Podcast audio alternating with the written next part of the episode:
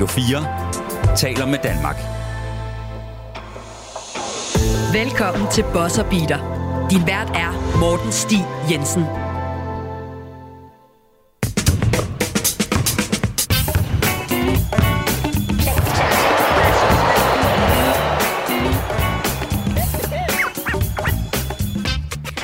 Og rigtig hjertelig velkommen til denne Bosser Beater Special. Mit navn det er Morten Stig Jensen, og i dag der skal vi snakke om Victor Wembanyama. I har sikkert hørt ham om ham før her på programmet, fordi jeg har da haft et par emner op at vende et, en gang imellem. Men den her gang, der bliver det altså to timer udelukkende om den meget, meget høje franskmand. Og for at hjælpe mig igennem det, så har jeg væbnet mig med to af, af mine gode uh, bosserbeater kendinger.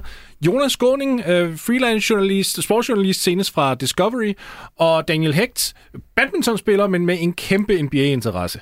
Velkommen til begge to. Tak skal I have. Jo, tak. Jeg antager, at I begge to uh, kender rigtig meget til den her franskmand. Ikke til, til dels på grund af, at jeg også har snakket om ham rigtig meget, og I har været med ind og, og, og, og, og snakke om ham og lytter øh, med til, til programmet, øh, når I ikke er med. Hvad, Jonas, lad os starte med dig. Hvilke nogle tanker gør du der om den her franskmand i henhold til øh, hele det her mediehype, der sker? Jeg synes, det er ved at tage overhånd. Men samtidig kan man heller ikke lade være med at hoppe med på det hele på en eller anden måde, fordi det er så unikt øh, med ham her. Altså, han er så unik, at man bare sidder og er sådan, okay, nu må det godt blive 23, så vi kan få ham ind og se ham ordentligt, og hvad, hvad kan han egentlig, fordi det, hvad det ikke kan blive til, det er det, man sidder og tænker. Jamen, jeg synes også, det er, altså, det at se ham spille, og så bare prøve at forestille ham i, kan man sige, med bedre holdkammerater, og se, hvad det, hvad det kan blive. Det er sindssygt spændende, og det, det er sådan en, hvor man siger, bliver han virkelig så god, som alle går og snakker om, eller, eller er han måske ikke lige så god, eller kommer det til at tage ham nogle sæsoner og tilpasse sig i NBA, og sådan, det bliver super spændende at se. Godt, så har vi fået kridtet banen lidt op. Wembanyama throwing it down. The ultimate lob threat. Wembanyama for three. Come on. Wee wee. That's a pass up, goes to the rack. Short stays with it. No Victor Wembanyama er en 18-årig franskmand, for dem, som der ikke kender ham, der lige nu spiller i Frankrig for Metropolitans 92. Han er projekteret til at blive den første spiller valgt i 2023 NBA-draften. Han er, hvad man siger, 7 fod 4 høj øh, inden sko, hvilket er omkring 2 meter og 22, 24, 24. tror jeg, senest jeg så. Ja. Men jeg har jo, øh, altså nu skal vi jo, nu skal vi jo også huske, at det er ikke, øh, man spiller jo ikke basket i bare fødder. Så når skolen kommer på, så snakker vi altså om en spiller, som der er tættere på 7 fod 5, altså 2, 26, 2, 27. Øh, og tager betragtning af, at han, han kun er 18, så bliver vi jo altså også nødt til at anerkende, at der er en chance for, at han kan gro endnu mere. Men det er ikke det, der gør ham så udelukkende fascineret i, hver- fascinerende i hvert fald. Det, der er med Wembanyama, og grunden til, at vi faktisk dedikerer to timer her på en, en special omkring ham, det er, fordi han spiller som en guard. Han har evnen til at skyde, han har evnen til at drible, han kan playmake, han kan gøre alle de her ting. Og det gør ham jo til et af de mest vanvittige altså prospects øh, nogensinde. Jeg har talt med John Hollinger, tidligere øh, Vice President of Basketball Operations for Memphis Grizzlies, som hjalp mig med at øh, sætte det lidt i kontekst med, hvor stort og attraktivt et øh, prospect Wembanyama egentlig er. I'd say the only two in my lifetime that compare would be Anthony Davis and LeBron James. Um, and, and he might be bigger than both of them, even. Um, like this might be in terms of how how he's viewed, at, you know, among scouts and the hype and everything. Like the, I would have to go back maybe to I w- I wasn't there for Lou Alcindor, but like you know, who became Kareem Abdul-Jabbar once he changed his name, obviously. Um, but like that, that level of hype and excitement, um, just an, an unbelievable uh, prospect and and talent. Just does mind blowing things on the court every day. So just straight, I mean, right right up there. Like I I, I think he's even even more than LeBron. Så må man altså sige, der John Hollinger, han lægger hovedet på blokken Det er her. No pressure, kid. Ja, no pressure. 18 år gammel. Du er, du er muligvis et bedre prospect end, end LeBron James. En mand, som der er nærmer sig de 40.000 point og allerede har over 10.000 rebounds, 10.000 assists. Hvor mange mesterskaber? Der er fire mesterskaber og Ja. fire MVP's eller sådan noget inde i, i den... Ja, vi, Det er okay. CV. Det er et OK CV. Jeg, jeg tror måske, han kommer ja. i Hall of Fame. Måske. ja, LeBron James øh, generelt set øh, betragtet som den næste eller bedste spiller nogensinde. Ja, det kommer så- an på, hvem du spørger. Ja, Ja. Men, men det er det omkring de fleste i hvert fald har ham. Og, øh, og så bare sådan, Nå, men du er bedre end ham. Bedre prospect end ham. Nå, ja, tak for det. Og det er jo så der, hvor jeg står lidt af. Der, der er det der, hvor jeg synes, det bliver for meget. Også apropos øh, Adrian Wojnarowski fra ESPN, som jo ikke er, har været bleg for at tage del i hele den her hype her. Og, og man kan jo godt høre det fra øh, John Hollinger, og, U- at hvad den generelle stemning er i USA lige nu. Det er det, det, er det vildeste nogensinde.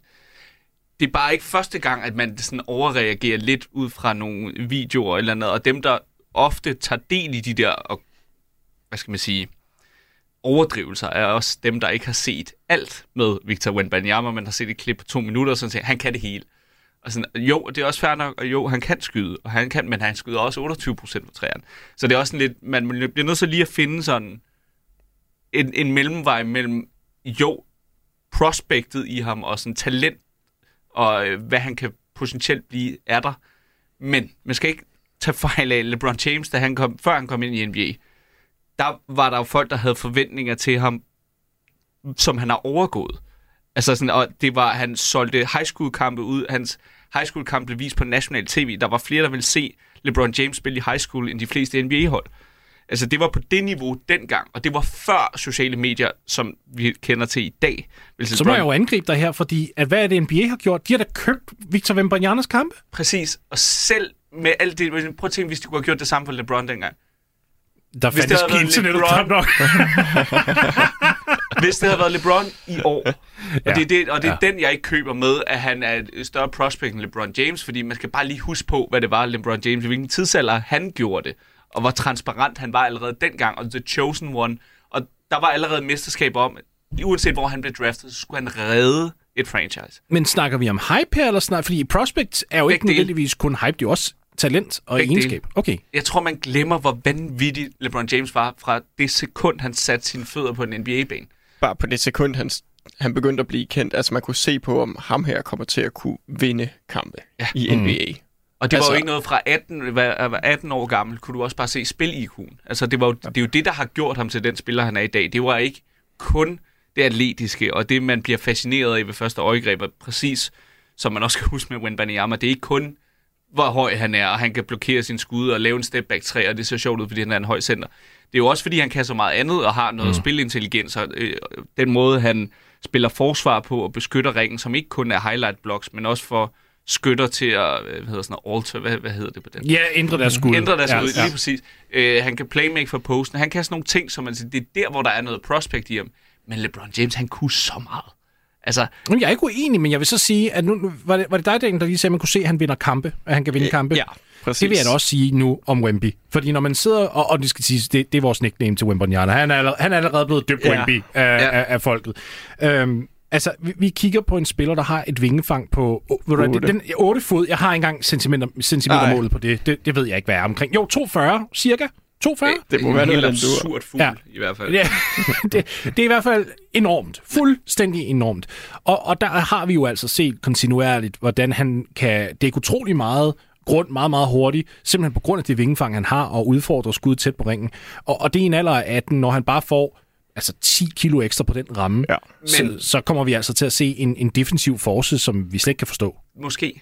Fordi der er altså forskel på, når man så bygger 10 kilo på muskelmasse, når du tog 30, og så når du var LeBron James, øh, 6 foot 6, 1, 8, øh, hvad er han, 6 foot 7? To meter, Ah, ah, åh, tre, to- to- to, fire. se- Ja, han er lidt højere. Han er jeg, jeg, jeg tænker 6'8". på Jordan og mig. Ja. Det er Ja. den hold. Nå.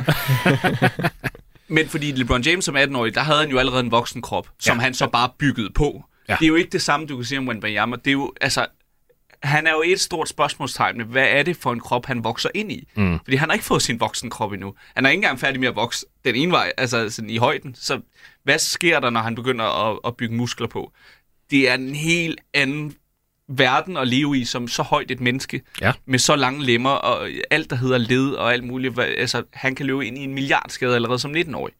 Og der er bare større risiko for fejl ved en krop som hans, end for eksempel LeBron. Det er vi helt enige i. Det, nu, nu, har vi, nu har vi i hvert fald fundet et grundlag, hvor at vi er enige omkring bekymringerne. Fordi ja. Det er netop rigtigt. Han er meget, meget tynd, og det er ikke nødvendigvis tynd i samme forstand som en Kevin Durant eller Nej. en Giannis Antetokounmpo Det er lidt ala Anthony Davis, øh, den måde han ligesom er, altså han var også tynd, Ja. da han spillede college, Ja. og så den måde han nu er, som jo altså, han er et ordentligt skur, ikke? men han er så også skadet hver anden kamp. Og han er så også lige 15 cm lavere Yes, end, end. Wembanyama, hvilket betyder, som du også kommer ind på, fuldstændig korrekt, med kortere led, og det er lidt nemmere. Men med alt det sagt, så, så kan vi jo stadig ikke komme ud over, ud over selve talentet. Altså, talentet, der kan jeg faktisk godt forstå den hype, når man sætter ham op ved siden af, af LeBron, for eksempel. Altså, Daniel, Ja, det, jeg tror, hvis man kun tænker ind i det positive, og hvis man virkelig bare kigger på ham og bliver forelsket i ham, og ser alle de gode muligheder, han har mulighed for at udvikle mm. sig til, hvilket er der. Hvis man siger, at det hele lykkes, så ja, så er vi ved at være på det niveau, hvor vi kan sammenligne ham med LeBron James. Og selv som hvis man prospect. tager alt det ind, jeg lige har siddet og vrøvlet om, så er han jo stadigvæk et generationstalent. Uden tvivl. Og der er en grund til, at man ser ligaen lige nu være i sådan lidt desperat kamp på, at være- hvem kan være dårligst, og man går lidt i panik, når man ikke er dårlig nok. Altså, det, det er meget det, få det kommer vi spillere. tilbage til. Den må du ikke gå for langt. Det kommer ja. vi tilbage til i time 2 af det her, nemlig, fordi det, er, det, kommer, det spiller nemlig en kæmpe rolle den her NBA-sæson. Der er du fuldstændig ret i. Men lad os lige prøve at få, få lukket af på, på selve prospect-delen her. Fordi at når vi kigger på prospect, måden vi evaluerer prospects på, det er jo selvfølgelig, at vi, vi bliver nødt til at gætte lidt ud i fremtiden. Vi sidder ja. og snakker om krop, som, som mm-hmm. du gjorde før, Jonas, hvor du ligesom siger, jamen, hvor meget kan man egentlig lægge på i den fysiske ramme. Og det er jo også vigtigt at, at ligesom sige, hvilken slags type bliver han den, den er jeg helt med på, og der er jeg også en smule skeptisk, ligesom du er. Fordi hvor meget kan han realistisk set ende med at veje, hvor at det stadigvæk spiller? Der må man jo også håbe, at han kommer til en NBA-organisation, der ligesom forstår, okay, du kan bære x antal kilo mere, ja. og heller ikke et gram mere, for eksempel. Nej, problemet er også bare, at den NBA-organisation, han skal, han skal til, nu snakker der med, hvor meget vægt han kan bære. Han skal også lige bære et helt franchise på sine skuldre, ikke? Fordi det er jo de forventninger, der kommer til at være til og det er der, hvor jeg godt kan være lidt bekymret, fordi at uanset hvad, så kommer der mm. til at være nogle forventninger, han ikke kan leve op til. Og hvis det, hans sammenligninger ja. fra start af skal være LeBron James, og så begynder man at samle en rookie-tal og alt muligt, og så Ja. tænker man, om han er europæer, så må vi kigge på Giannis og øh, Jokic og Luka Doncic og alt muligt. Han er bare dømt til at fejle på en eller anden måde.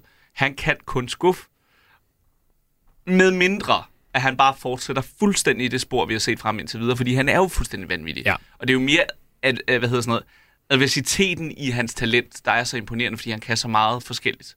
Og det er det, der gør, at man øh, med rette godt kan putte ham helt op som en af de vildeste prospects. Men der vil jeg jo så sige også, mentalt, der er han af en helt anden kaliber. Han er virkelig gearet. Han er også, øh, og det tror jeg, man skal være i, i den branche, en lille smule arrogant. Altså, han, Han er også franskmand, ikke? Han er franskmand. Ja. Han elsker den her opmærksomhed. Han elsker det ansvar, der er over på ham. Han er ikke en af de der sky personer, der ligesom prøver sådan at sige, "Ej, jeg vil, jeg vil helst ikke have medierne rundt om.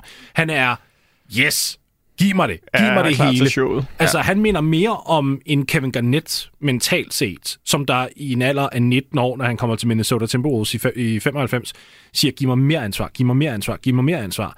Der var en grund til, at han skiftede fra Asphalt til Metro- Met- Metropolitan 92 her ja. sidste sommer. Det var jo fordi, han ville have mere ansvar. De prøvede jo at bringe ham meget langsomt frem i, i Asphalt, og så var han sådan lidt, ah, ah, Det går ikke. Det går ikke. I må, I må godt lige give mig mere. Og nu fører han jo altså trods alt den franske liga i point, rebounds og blocks. Ja. Og altså laver, laver så mange highlight plays, at det slet ikke giver mening. Jeg, jeg forstår godt bekymringen dog, vil jeg sige, øh, Jonas, med hensyn til, at det er rigtig meget på en teenager, og på et eller andet plan, så kan man også godt komme til at skuffe lidt i, i, i, i den afdeling. Men hvis vi kigger på prospects, hvilket er det, vi snakker om lige nu, Ja. så er der fandme ikke mange, som der er, er givet, ligesom ham. Han er altså rent mentalt. Han vil have det. Ja, jeg vil sige, jeg tror, at hvis man tager en uh, Zion Williamson, som også har været sådan en, der har været pakket op af længe, om at der har været videoklips med hans highlight fra high school og i college, og så videre. Og han har også været sådan en, han har gerne vil lave show og vise sig frem øh, hele vejen igennem. Og også et af de prospect, man måske skal til og sige, jamen, jeg tror folk hurtigt glemmer, hvor hyped han var, før han blev valgt. Jamen, det var, Øh. og der tror jeg, der var mange, der sad med tanken, at det kan ikke gå galt med ham her. Altså, Ja. han er så vild. Og, sådan, og det, på et tidspunkt var det, der er der jo allerede, når ham skal New Orleans trade ham og alt muligt. Sådan noget. Så det siger bare, at det kan hurtigt gå ned ad bakke. Især med de, man kan sige, forudsætninger, du kommer ind i ligaen med. Og hvis du skal have den der, du skal bare være en stjerne fra dag 1, og du skal redde vores hold og vores franchise, og hvis det ikke lige går, så går vi i panik. Og det er, jo, det er jo lidt det, man skal passe på med, som dem, der drafter ham, ikke? Er, er det en Spurs-organisation, der ved, hvordan man skal behandle europæiske spillere, eller noget ved, der er noget værdi i at være tålmodig, eller ender han et eller andet sted, Sacramento eller sådan noget, hvor det kan gå helt galt. Hey, hey, hey. Ikke nogen Kingslander, for det Like går faktisk beam. rigtig godt i år. Det må vi ikke jinx. Nej, men øh, forstå mig ret, altså det, der, der er også noget, der hedder øh, omstændigheder og øh, udefra øh, kommende påvirkninger, som kan gøre, at han ikke får den karriere, Men det kommer han vi måske... også til i time 2. Det Yes. gør vi. Det, det, jeg er, fordi det er jeg enig med dig i, men lige nu bliver vi bare nødt til at prøve at kigge på ham i lidt i en, i en vakuum. Jeg tror også, jeg prøver at, at forsvare ham lidt. Man skal lade være med at være for hård ved ham, hvis det ikke går præcis, som det går. Du lytter til Bosser Beater på Radio 4. And I asked you, how much does Victor need to fill out? You said, how much did Kevin Durant need to fill out? I mean, you know, Kevin Durant has put on weight, of course, since he's been in the NBA, but he's been in the league forever. Uh-oh. Hey! Jeg elsker det her klip. Det var, øh, da Metropolitans 92 mødtes med uh, G-League Ignite-holdet. De sidder netop og snakker om hans, uh, altså Wembanyamanas fysiske udvikling, ja. om, om den kan minde lidt om Kevin Durant. Og mens de sidder og snakker, så får han så et stil og løber ned på banen på en Janets manér. Altså, ja. det er to driblinger eller sådan noget lignende, og så hamrer han den ned, og hovedet er over ringen og det hele. Uh, de sidder, jeg blev faktisk nødt til at korte det klip af uh, forholdsvis hurtigt, fordi der, der er bare sådan en stillhed efterfølgende, hvor man kun hører publikum, fordi de fatter ikke helt, hvad det er, de siger. Øh, eller hvad, han, lige- hvad de så retter. Og, og, og det, nu skal vi til at snakke lidt om de her comparisons, fordi det er jo noget, som der fylder rigtig meget i, i hele draft-processen. Ja. Lige meget hvem du er. Det er ikke bare Wimbanyana, det er Scoot Henderson, og det er LeBron, og det er alt muligt. Altså, det er Sean Stevenson i en tid. Jeg elsker hans draft-profil. Det var sammenligninger med Michael Jordan på NBADraft.net i sin ja. tid. Altså. Comparisons har altid spillet en, øh, en kæmpe del af, af hele den her proces. Så lad os lige gå tilbage til her John Hollinger, som der også kom ind på hans øh, comparison. He's Ralph Sampson with Dirk Nowitzki's offensive skill set. Is, is how I would describe him. Um, defensively, I think he's a little different from Gobert, at least right now. Like he's not anywhere near Gobert's level as a rebounder in particular, but his ability to, you know, change the game with his with his shot blocking and his just his length, uh, and even to do it on the on the perimeter a little bit. I mean, you go. It was a different league when Ralph Sampson played. There wasn't the switching. It was way more physical. But like that, that was the kind of stuff Ralph would do. Ralph Sampson, til dem, som der måske er, er født efter old school. 1995. Uh, det, han er en, en first overall draft pick tilbage i de tidlige 80'er. 7 fod 4, så også de der 2,24, eller hvad var det, vi blev ja. Enige om der. Uh, en spiller, som der var forholdsvis mobil af, af sin størrelse, også ikke bare en, der klumpede sig ind under kurven. Han kunne uh, drible, og han kunne aflevere en lille smule var desværre rigtig, rigtig meget skadet i, ja. i en dag i sine tidlige år. Nåede aldrig at leve helt op til sin potentiale på grund af, af ja, netop en, en begrænset fysik og en begrænset krop. Det er jo så tilbage i 80'erne. Vi kan ikke nødvendigvis sige, at fordi det, det gik galt i 80'erne, så, så går det galt nu til dags. Altså dengang, hvis man fik sig en korsbåndsskade for eksempel, så var det karrieren, ja. der, der røg der. Og, og det behøver jo ikke nødvendigvis at være, være sagen i dag for eksempel. Så der er mange elementer, der spiller ind her. Så når Hollinger siger Ralph Sampson, så kigger han jo selvfølgelig på de gode tider i Houston og ham som et prospect. Og så siger han også lige, så kaster han også lige tyskeren øh, ja. med oven i hatten, fordi hvorfor ikke? Vi skal også lige have noget Dirk. Ja. Jonas, når du ser Wembanyama spille, Ja. og, og jeg vil, hvad den lige, inden du svarer, så vil jeg godt sige, comparisons kan også godt en gang imellem være en fjollet ting, fordi vi kan læne os lidt for meget op af det som, som samfund, og vi sidder og sammenligner med spillere, men det er bare en gang imellem et, et godt værktøj til lige at, til, til, til ligesom at sige til folk, at det, han minder lidt om, om det her. Hvem, hvem kommer i sinde hos dig, når du ser Wembanyama? Offensivt, så tænker jeg Kevin Durant. Mm. Udelukkende, fordi jeg kigger på et menneske, hvor jeg tænker, hvis du bevæger dig, så knækker du sammen. Og du øh, burde, altså, man forestiller sig et eller andet menneske, der bare ikke kan bevæge fødderne. Men så lige så snart de får bolden i hænderne og øh, slår den i gulvet, så, så er det bare altså, flydende, og det ser naturligt ud. Helt naturstridigt i forhold til altså, deres kropsbygning og hvor høje de er. Og det er det, jeg synes, der er så fascinerende ved ham. Og øh, nu nævner han Rudy Gobert, selvfølgelig er han ikke nær hans niveau i- inden ved ringen. Til gengæld vil jeg allerede nu stole mere på øh, Wenbanyama til at dække op, guards op ude ved trepointslinjen end Rudy Gobert. Ja. Altså, og det, det er en meget undervurderet del af hans spil, det er, at han kan virkelig flytte fødderne. Og det er også det, der ser så helt skørt ud, fordi når han bevæger sig øh, med sin stepback-træ og alt sådan noget, det er hurtigheden, han gør det, men det er ikke sådan noget... Lidt, altså Dirk, der kunne du godt se på 5 minutters afstand, hvad er det for et skud, han går ind i her, og du kunne bare ikke stoppe det.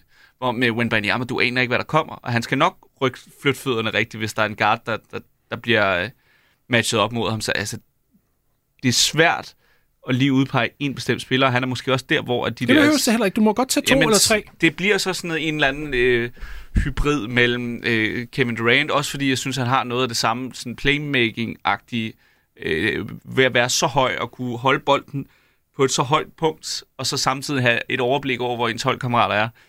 Og så må det, det altså, øh, en, giv mig en eller anden vild shotblocker, som ikke er Rudy Gobert, bare for at det ikke bliver for klichéagtigt med en fransk. Bare, bare for at du ikke tager min comparisons. Ja, ja, okay. Fint, fint nok. jeg gider ikke have den oplagt. Miles Turner, jeg ved det ikke. Ja, altså, jeg, er- altså, jeg er all in på, øh, på Kevin Durant, og det er der flere grunde til. Det er staturen, hvis man sammenligner, da Kevin Durant han også kommer ind i ligaen. Han kunne ikke løfte den der vægtstang til, til training camp, og det bliver spændende at se, om Victor han kan det. Men øh, Ja, bench press. Der, ja, bench press, ja, præcis. Øh, jeg synes, at øh, det er selvfølgelig det her med, de begge to er tynde og meget høje. Han er selvfølgelig noget højere, det er klart. Kevin Durant i sin bedste år var også en eminent god forsvarsspiller. Øh, og det glemmer mange, fordi at han er så helt ekstraordinær god offensivt. Ja. Men han har været en rigtig god forsvarsspiller. Ja, e- elite. Altså, Ja, ja, fuldstændig. det- Lad os, lad os faktisk lige tage et minut. Altså, vi snakker nok top 5 i ligaen. Top 5 i ligaen, ja. bestemt, da han var, øh, var i Golden State, og, og, og var, det var der, han spillede bedst forsvar. Og det er også Øhm. derfor, at vi har set hans stok faktisk gå nedad, siden han skiftede til Brooklyn, fordi Yes. på, på grund af Achilles-scenen, som der sprang, Ja, ja. så har han simpelthen ikke været den samme Og det er forsvarsspiller. der, hvor man det der med hurtighed til at Ja. flytte sig sidelæns, hvor Lige vigtigt præcis. det er. Præcis. Så, Ja. så, så det, du husker os, minder os om, og det er Yes. fuldstændig rigtigt, det er, at du Og det- kigger på en spiller, der kan begge ender banen. Lige præcis, det er meget vigtigt. Og så den måde, de går op i deres skud på, er for mig bare meget, meget ens. Altså det der med, både når de laver pull-up træer, det er mellemdistancen. Mm. Jeg synes bevægelsen, øh, måden de fører bolden op, stiller kroppen og, og hopper på, minder rigtig meget om hinanden. Det hjælper selvfølgelig også, de har samme statur. Ja. Så jeg er all in på, på Kevin Durant, både lidt offensivt, men, men især også noget med det defensiv indstilling. Han var også en sindssygt god blockshotter, øh, ja, shotblocker, øh, Durant. Wembanyama har, har klart mere potentiale end Durants Det bedste. har man, når man har 2 meter og 40 vingen fra Præcis, Yes. og det, og, det, det, og det, det, jeg tror faktisk, det vi ser ind til, at man egentlig kan forestille sig Kevin Durant, og så bare, hvis han kan det samme, og så bare endnu højere, hvor meget bedre han vil være. Det tror jeg, det er drømmen. Altså, jeg går ind på, øh, på, på KDI-mentaliteten også. Så vi, vi, vi er en trio her, der er, der er enige, og jeg er faktisk enig i Daniel med hensyn til, hvordan han går ind i sin skud. Det er også det, jeg ser. Det der med, at han smider bolden gennem benene et par gange, shake and bake, og så er det lige pludselig en pull-up hen over et forsvar. Og Jonas, du nævnte tidligere i programmet, at ah, Wembanyama, han rammer jo kun 28 procent af sine træer og det her. Ja, men, Men han rammer 28 procent af sine træer. Sværhedsgrad, det er helt... Det er det, og Ja, det er sværhedsgraden, der, der er værd at tale om her. Fordi det er lidt, det er lidt Luka igen, ikke? Altså, så du er. Dallas-fan. Yes. Luka Doncic for eksempel, han roder jo hele tiden rundt i nede af de der, du ved, 32-33 procent for træerne. Ja. Men han tager også bare Nogle abs, ja, og det er det samme. fuldstændig absurd. Og det er det samme igen, ja. hvis, hvis Wembanyama kommer ind i ligaen og får en lidt mere strømlignet skudprofil. Fordi lige nu har han også bare det grønne lys. Altså, Ja, ja, Han 100. skyder på det hele. han skyder på alt. Men det er også fordi, der ikke er nogen, der kan dække ham op, apropos den måde, han afvikler sin skud Ja. på. Ja. Det bliver også derfor, det bliver meget ligesom Kevin Durant, han kommer til at trække enormt mange fejl på sine pull-up-skud. Fordi alle, der prøver at conteste, de kommer til at klaske lige i albuen ja. på ham hver evig eneste gang. Fordi den måde, han holder det på og fører bolden op i sit skud, du kan ikke undgå at lave fejl. Hvis du prøver at gå op og, og conteste hans skud, så laver du fejl. Altså, så held og lykke. Ja, præcis. Og igen, det, nu har jeg ikke øh, nogen statistik på det, men jeg tror, at hans træer, jamen det er næsten 100% af dem er pull-up og contested, i hvert fald hvis man sidder og ser ham. Altså det er virkelig få træer, hvor man tænker, han tager, nu tager han et sindssygt fornuftigt, frit, godt skud, der er plads Ja. Ja, Luka Doncic sammenligning er Ja. faktisk virkelig god. Fordi på, på de det, træer der. Ja. Ja. Den, den havde jeg heller ikke set, men, men den er virkelig god, fordi det er sådan nogle træer, hvor man tænker, okay, du gør det bare, fordi du kan. ja. Ja, det, det Ja. er, han skal faktisk øh, blive bedre til at være lidt mere en spot-up-skytte, når alt er sagt og gjort. Ja. Det er sådan noget, der skal være en fokus på, når du kommer ind til en NBA-klub. At, Yes. at ligesom øh, trænerstaben siger, okay, du er vanvittig, du kan tage de her etfods leaning, nej, altså running trepointsskud. Ja. Ja. Det er jo Øhm, et absurd. Han har taget dem et par gange nu, og det er, Det er et bucket. skud. Ja, ja, Det er, præcis. det er Ja, det er skud. ikke tilfældigt. Det er ikke et pres sidst på skuddet eller eller andet. Det er, Nej, nej, altså, det noget, han har øvet det der. Jeg snakkede med en scout, der, hvor jeg nemlig spurgte om det skud, for jeg sådan var lidt, er det et showskud, eller er det et, som vi rent faktisk kommer til at se i NBA? Så sagde han til mig, jeg, han, vi kommer til at se det i NBA, og nu skal du høre, hvorfor. Det er ikke for at få forsvaret altså afbalanceret. Det er fordi, han får mere øh, luft under, sit, øh, under sin krop på, på den slags skud. Når han laver det her runner, altså run, et fods running skud, så Ja. tager for, ud fra træen, for det lyder fuldstændig Ja, ja, ja, ja, jeg bare og siger det. Så hopper han faktisk så højt, og han, han, han extender sin arm mere, end han vil gøre i et normalt trepointsskud. Det vil så sige, at han er faktisk i gang med at klargøre sig til at gå ud og kunne skyde hen over for eksempel en Joel Embiid, eller en Nikola Jokic, eller en Rudy Gobert. Der er jo en det. reel chance for, at han kan lave et skyhook ud bag træerne. Det vil han kunne. Ja. Det er principielt set, for det er fuldstændig ublokkeligt. Og Jeg, jeg, jeg spurgte så den her scout, han havde ikke et svar, vil jeg være helt ærlig med. Jeg spurgte ham, hvor højt op kommer det release point, når han har de her øh, one-foot runners. Og øh, der var stillhed sådan, i, i, i røret, der jeg snakkede med ham, han sagde, Ja. um, I have no idea, but it's really, really high. Ja. Altså, det, han, hvad han mente, det var, du kan ikke blokke det. Nej. Du, du kan simpelthen ikke, altså du, selv Jannes vil ikke kunne hoppe hele vejen derop og Nej. blokke det. Og Nej. det, ja, jamen, det er jo det. Altså, hvis det, det bliver sådan et... Man kan jo se den måde, øh, kreative spillere udvikler skud på. Det er, at de hele tiden finder en ny måde. Hvis, øh, og Luka Doncic gør jo det samme, apropos ikke for øh, sammenligning mellem de to, stopper også lige der. Men det der med kreativiteten, det er, hvis der er et, øh, du har et skud, du går til. Forsvaret begynder at omstille sig på det. Det, det var det samme dengang med James Harden, hvor de siger, nu dækker vi ham bagfra og alt muligt og sådan noget. Så finder de en ny måde. Mm. Og, og det er det her, hvis du allerede som 18-årig har kreativiteten til at tænke, okay, de kommer til at dække mig op helt ud ved trepointslinjen i NBA, fordi de godt ved, at jeg kan skyde. Hvad kan jeg så gøre for at finde på noget, de ikke kan stoppe? Mm. Og sådan, det, det allerede at have det i sit spil som 18-årig, det vidner bare om, at han har noget overskud i hovedet til at lidt aller LeBron James, det der med at kigge et skridt foran, og Luka Doncic, der er de her spillere, ja. der ser spillet ske, før det rent faktisk er sket. Og hvis du kan det som 18-årig, så øh, kommer du kun til at bygge på, ikke kun i at kunne sætte dig selv op, men også dine holdkammerater. Ja, man må også håbe på, at øh, når han bliver øh, kommer til NBA og får noget, noget, noget, noget mere, kan man sige, professionalisme. Det er selvfølgelig en professionel liga, han spiller i i dag, men det er alligevel på et lidt andet niveau i NBA, fordi lige nu, som vi snakker om tidligere, han skyder bare de skud, han har lyst til øh, derovre, og det må også være svært, hvis man bare står, og man er 30 cm højere end alle andre. Det er jo vel ligesom, hvis vi spillede mod en 5. klasse. Altså, man må virkelig også bare føle, okay, jamen, jeg kan bare gøre, hvad det passer mig øh, på en eller anden måde. Og det er rigtig godt, når han bliver udfordret på det, hvis han kan tage ansvar, og så nemlig udvikle sig derfra. Der vil jeg så sige, at den franske liga er bredt anerkendt øh, og opfattet som den næst mest atletiske liga i verden. Ja. Så held, og det er jo heldigvis godt for ham, at han ligesom får den træning, fordi hvis Helt han skulle spille i den tyske, for eksempel, ja. altså, som, som er en af de mindst atletiske, så vil det være et rigtig hårdt øh, Skifte. skifte. Altså, det så vi jo også for Killian Hayes, hvis vi, nu, ja. nu ved jeg godt, det er en guard, Ja. men alligevel, han startede ud med at spille i Frankrig, leverede ikke, blev nødt til så at skifte til Tyskland, hvor at han med nød og næppe kunne separere sig selv fra forsvarsspilleren på sin dribbel, hvor man sad sådan og tænkte, "Mm, det, det, Ja. det ser ikke så godt ud. Og nu er det først i år tre, tre tror Ja, jeg. det er virkelig tre. Jeg tror, det er år tre nu, ja. at vi begynder at se bare en, en, en stærk succes, ikke også? Jo. Så, så det, at han har den test, og han kan kontinuerligt gå op imod meget atletiske spillere i den franske liga, og, og mange, øh, hvad hedder det, amerikanere også, som der. Ja. der kommer Ja, ja, ja. derover, det tænker jeg i hvert fald er et godt tegn. Det må man, øh, må man helt sikkert sige. Vi, vi snakker jo lidt om de her comparisons, og, og jeg vil gerne kaste et virkelig mærkeligt navn ind i noget, fordi at jeg synes jo ikke bare, man kan sige en spiller, der gør det. Han gør jo nogle bestemte ting også. For eksempel så fader han rigtig meget også på sine træer, og det så vi jo især i, i, i G-League-kampene, Ja, ja. hvor at, at han, han nærmest fly, flyver out of bounds og sætter en træer alligevel. Han har en evne til at holde sine skuldre fuldstændig aligned, altså lige med kurven, og hvilket gør, at et hver skud, han rent faktisk tager, bliver af, af høj kvalitet. Og, øh, og, og nu går jeg tilbage. Ja. Ben Gordon, en lille 6-2 guard, som der spillede for Chicago i sin tid, og senere Detroit og Ja. Orlando. Øh, Gordon var en fortræffelig trepointsskytte. Han kunne ikke super meget andet end det. Øhm, men det var dog en ting, han kunne, at hvis han blev kastet ud i nogle af de der situationer, hvor han blev nødt til at fade, eller han blev nødt til at skyde out of balance, eller et eller andet, altså manden kunne mere eller mindre ligge altså, lodret i luften, og han ville stadig finde en eller anden måde at sige, ej, Jeg, jeg ved, mm. hvad min prioritet er. Det er, at jeg skal have skuldrene op. Og så vil det altid være kvalitetsskud. Jeg begriber ikke, Jonas, hvordan en spiller, der er 7 fod 5 med sko, og, og som er på, altså forstå mig ret, spiller i den alder, 18 år, og så høj, de er jo som regel lidt akavet, mm-hmm. men det virker som om, han har fuldstændig styr på, hvor hans krop starter og slutter hen. Ja, og det er også derfor, jeg håber sådan for ham, at det falder rigtigt ud, når han så begynder at vokse lidt. Fordi det, altså, skræmmescenariet for resten af ligaen, det er jo, at han beholder den ramme, han ligesom har, men bare lægger muskler på. Så det vil sige, at han kan stå imod med noget. Det der, altså, så er det jo sådan, hvordan hans øh, leder alt kan se imod det. Men hvis han bare bygger lidt ala Kevin Durant på, hvor man ikke øh, skal se et eller andet muskelbund lige pludselig. Man bliver nødt til at forholde sig til det der med at være tynd, når du kommer ind i ligaen, som Janis udvikling og Kevin Durants udvikling. Ja, det bliver ikke en Janis udvikling, det Nej. her. Nej, han skal gerne lande et sted midt imellem.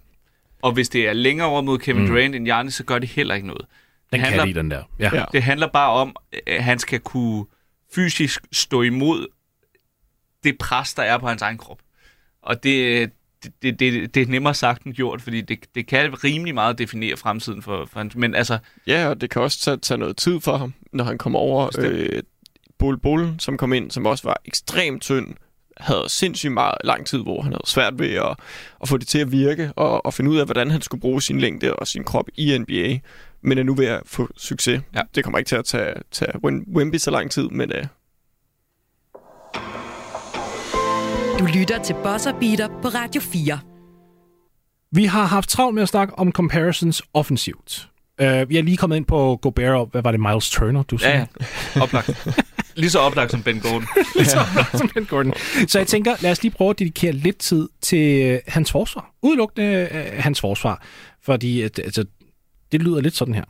Picks up his dribble, get it back. Plenty of time. Nine on the shot clock. Blocked by Wembanyama. That is his fifth block of the night. Fifth block of the night. altså. det, hvad der er fuldstændig vanvittigt, det er jo selvfølgelig det her med, at han kan dække ringen så effektivt, som, som vi ser på grund af vingefanget, og det der med, at han har de her lange, lange stænger, så det vil så sige, når at vi ser en guard for eksempel, der går op i en layup og tænker, ja. ej, han er for langt væk. Ah nej, ah nej. Jeg, jeg bemærkede noget, øh, og, og jeg skal ikke engang prøve at udtale det franske hold, han, så han, han spillede mod her forleden, fordi det kan jeg ikke. Han spillede mod et, et, et hold her forleden, og øh, han havde en fuldstændig vanvittig sekvens. Han stod nærmest i to, ved toppen af albuen. Der var en lille guard, der kom ind fra modstanderne af, prøvede at gå op med en layup, og så i stedet for at løbe hen, med, altså hen for at øh, blokere skuddet med armen rejst helt hen over hovedet, så havde han det nærmest sådan strakt direkte ud for sin, øh, for sin brystkasse af, fordi han vidste, jeg skal jo slet ikke så højt op. Nej. Han er, altså allerede nu som 18-årig forstår han, hvad der egentlig er påkrævet fysisk for at kunne blokke skud mest effektivt. For ligesom at sige, jamen jeg, det er lidt ligesom Pau Gasol i sin tid, bare offensivt, hvor at når han greb bolden, fik en aflevering, en høj aflevering, så i stedet for at tage bolden ned tæt på kurven, så holdt han bare armene deroppe, og så skød han med det samme. Det var det mest effektive. Defensivt ser vi Wembanyama øh, lave nogle bevægelser, hvor han ikke bruger for meget energi og forkert energi. Jonas, hvad betyder det øh, defensivt for hans, altså hvis du kigger fremadrettet? Det betyder alt, for det betyder, at han kan dominere en kamp, selv hvis han er fuldstændig væk fra den. Han har lavet otte øh, running et fods træer, og ingen af, ingen af dem rammer, så betyder det stadigvæk, at han kan dominere og afgøre en kamp. Fordi det, han kan defensivt allerede nu, det tyder jo på, at han kommer til at være en af dem, der ikke blot sætter en eller anden trend for sig selv, og som, som jeg snakker med Gobert-agtigt med at dominere ved ringen, men det er jo, på, det er jo hele gulvet. Altså han, den måde, hans evne til at gå i passing lanes og til steals, altså, hvor jeg bare tænker som center. Altså det er jo den der guard-forståelse af, har han allerede sådan kortlagt, øh, der kommer et eller andet play, bolden ender nok. Her på et eller andet tidspunkt, så kommer der aflevering på tværs, og så har han allerede sin, og han kan jo stå inde ved ringen og bare gribe ud op ved trepointslinjen, ikke? så har han allerede grebet den. Ja. Han kan dække, øh, jeg, jeg glæder mig til at se, hvor mange der tør at bytte på, bytte på screeninger og øh, matchups og sætte Garsten over for ham, fordi jeg tror, de bliver spist hver gang. Ja, for den kom du ind på tidligere, ja. Og, og nu vil jeg nemlig gerne rykke den over til Daniel, fordi du sagde nemlig først, altså Jonas, du sagde der med, at, at øh, Wemby kan komme ud og dække på, på, øh, på distancen. Daniel, du følger jo Miami Heat ja. rigtig, rigtig meget, øh, til trods for, at de ikke nødvendigvis er specielt vi kan jo fantastiske. hurtigt komme videre i hvert fald. Ja. ja. Ja. Men de har jo trods alt en Bam Adebayo. Ja. Og øh, Adebayo er en, en big man. Jeg ved ærligt talt ikke, om vi skal kalde ham en center eller power forward. Det er faktisk også lidt ligegyldigt. Ja. Men det er en spiller, som der forstår at dække distancen, også til trods for, at han er en stor mand. Altså, han er 2 meter og 6, og han har nok omkring 115 kilo på sig. Hvad er det, der gør ham så effektivt ud på distancen, og hvad er det, vi kan tage væk fra det, og ligesom prøve at appellere det til øh, Wembanyama? Jeg synes, det som, øh, som Bam han gør godt, det er selvfølgelig, at han har noget spilforståelse. Det vil sige, at han er ikke altid et skridt bagefter, hvad angrebet foretager sig. Fordi er man bare et skridt bagud hele tiden, så er du hurtigt fuldstændig solgt. Så det der med at kunne læse spillet en lille smule, læse forsvarsrotationerne og, og sådan noget, så, så du ikke er så langt bagud, det hjælper meget. Så er han god til at, at bruge sin arme forsvarsmæssigt. Ikke nødvendigvis bare ved at stjæle, men ved at fylde lidt. Øh, Og vil tror- holde den sidelæns. Ja, sidelæns opad, eller hvor det nu giver mening. Øh, og det, det er der, hvor at Victor så højde kommer til at hjælpe sindssygt meget på hans forsvar, fordi forsvarsspillere er ikke vant til at stå over for 8 fods rækkevidde. Og det vil sige, de kommer ikke til at vide, kan jeg overhovedet få den forbi? Kan jeg lægge den aflevering, eller kan jeg nå den med armen? Kan jeg loppe den ind over ham, ind til en center, der står og har et mismatch med en guard, fordi vi har byttet? Øh, tør jeg overhovedet prøve at kaste den hen over ham? Så jeg tror, intimidationen ved hans størrelse kommer til at hjælpe ham forsvarsmæssigt, og så det med, at vi allerede ser, at han har noget forsvarsintelligens. Det kommer til at hjælpe ham rigtig meget. Ja, fordi når man kigger på Bam, når han så bliver taget af driblen de få gange, han gør, ja. Ja. så er det svært for ham at ligesom nå at komme Yes. tilbage og, og blokere skuddene, ja. Ja. fordi han er ikke en naturlig shotblocker i den Nej, forstand. det er han altså, han Kort er, arme er en center være også. Ja, jeg præcis. Altså, ja, i hvert fald, altså, i hvert fald ikke 8 fod. Nej, det, det er stensikkert. Men, men her kan vi jo sige, at Wembanyama har jo så faktisk en, en evne til, hvis selv hvis han bliver slået af driblen, så er, du, så er du ikke sikker som boardhandler, fordi Nej. så hører du lige pludselig de der trin bag dig. Det er Øh, ene trin, han har brug for. Ja, det ja. trin. Altså, og, og jeg tror, grunden til, at jeg nævner Bam specifikt, det er fordi, der er, jo, der er jo nogen, der ligesom peger på Josh Smith tilbage i Atlanta. Nu går vi også lidt ja. længere tilbage. Det var en gut, der blev slået driblen hele tiden, men han var så fortræffelig en shotblocker, og så hammerende atletisk, at lige så snart han blev slået, så vidste han godt, så skal jeg vende kroppen, så tager jeg et stort skridt, så hopper jeg, og så ja. får jeg den der øh, chase down, en, altså en, en mini, mini chase down Ja. block. Wemby, hvis han kan tage det bedste for Bam, altså for det, det her distanceforsvar og ja. Ja. i, i forståelsen for, hvad kommer der, samtidig med, at han har evnen til at kunne adjust, hvis han bliver slået på driblen. Jeg glæder mig bare Altså. til at se den første lille guard, der dribler forbi ham, og skal til at hoppe op i et skud, og så tager han bare bolden op på toppen, når han står med hånden, fordi at han ikke regner med, at han kan nå, og så kommer det der 8 fod vingefang, og så tager han bare, whoops, haps. Ja. Og især, og især amerikanske guards, de kommer til at prøve. er præcis. Ja. Lige så snart de bare giver føler, de forbi ham, så skyder, vil de bare for prøve at de der europæiske Nej. spillere jo. Og det kommer, uanset hvor meget de bliver hypet op, så bliver det den samme modtagelse, som Luka Doncic fik og alle de andre. Ah, lad os nu se, ikke? Ja, ja.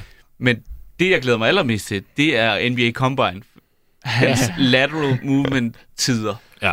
Der får vi allerede det første indikation om, hvor effektiv en forsvarsspiller bliver han. God Fordi pointe. jeg har en eller anden idé om, at han kommer til at være helt omkring nogle af de guards, der kommer til at være i samme rookie-klasse. Ja. Og det er der, hvor han kommer... Altså, du kan snakke spilintelligensen, den har han. Så Mhm. har han rækkevidden, og han, det der med, at han kan adjuste, og han kan komme tilbage og blokere skud. Men det er, hvis han overhovedet allerede i første omgang bliver sat på dribling. Ja. Fordi jeg har en eller anden forventning om, at han kommer... Og hvis han kan finde ud af at tage det første skridt, uden at lave fejl. Hvis han først får den... Ja. Hvad skal de så gøre derfra? Hvad er det næste move?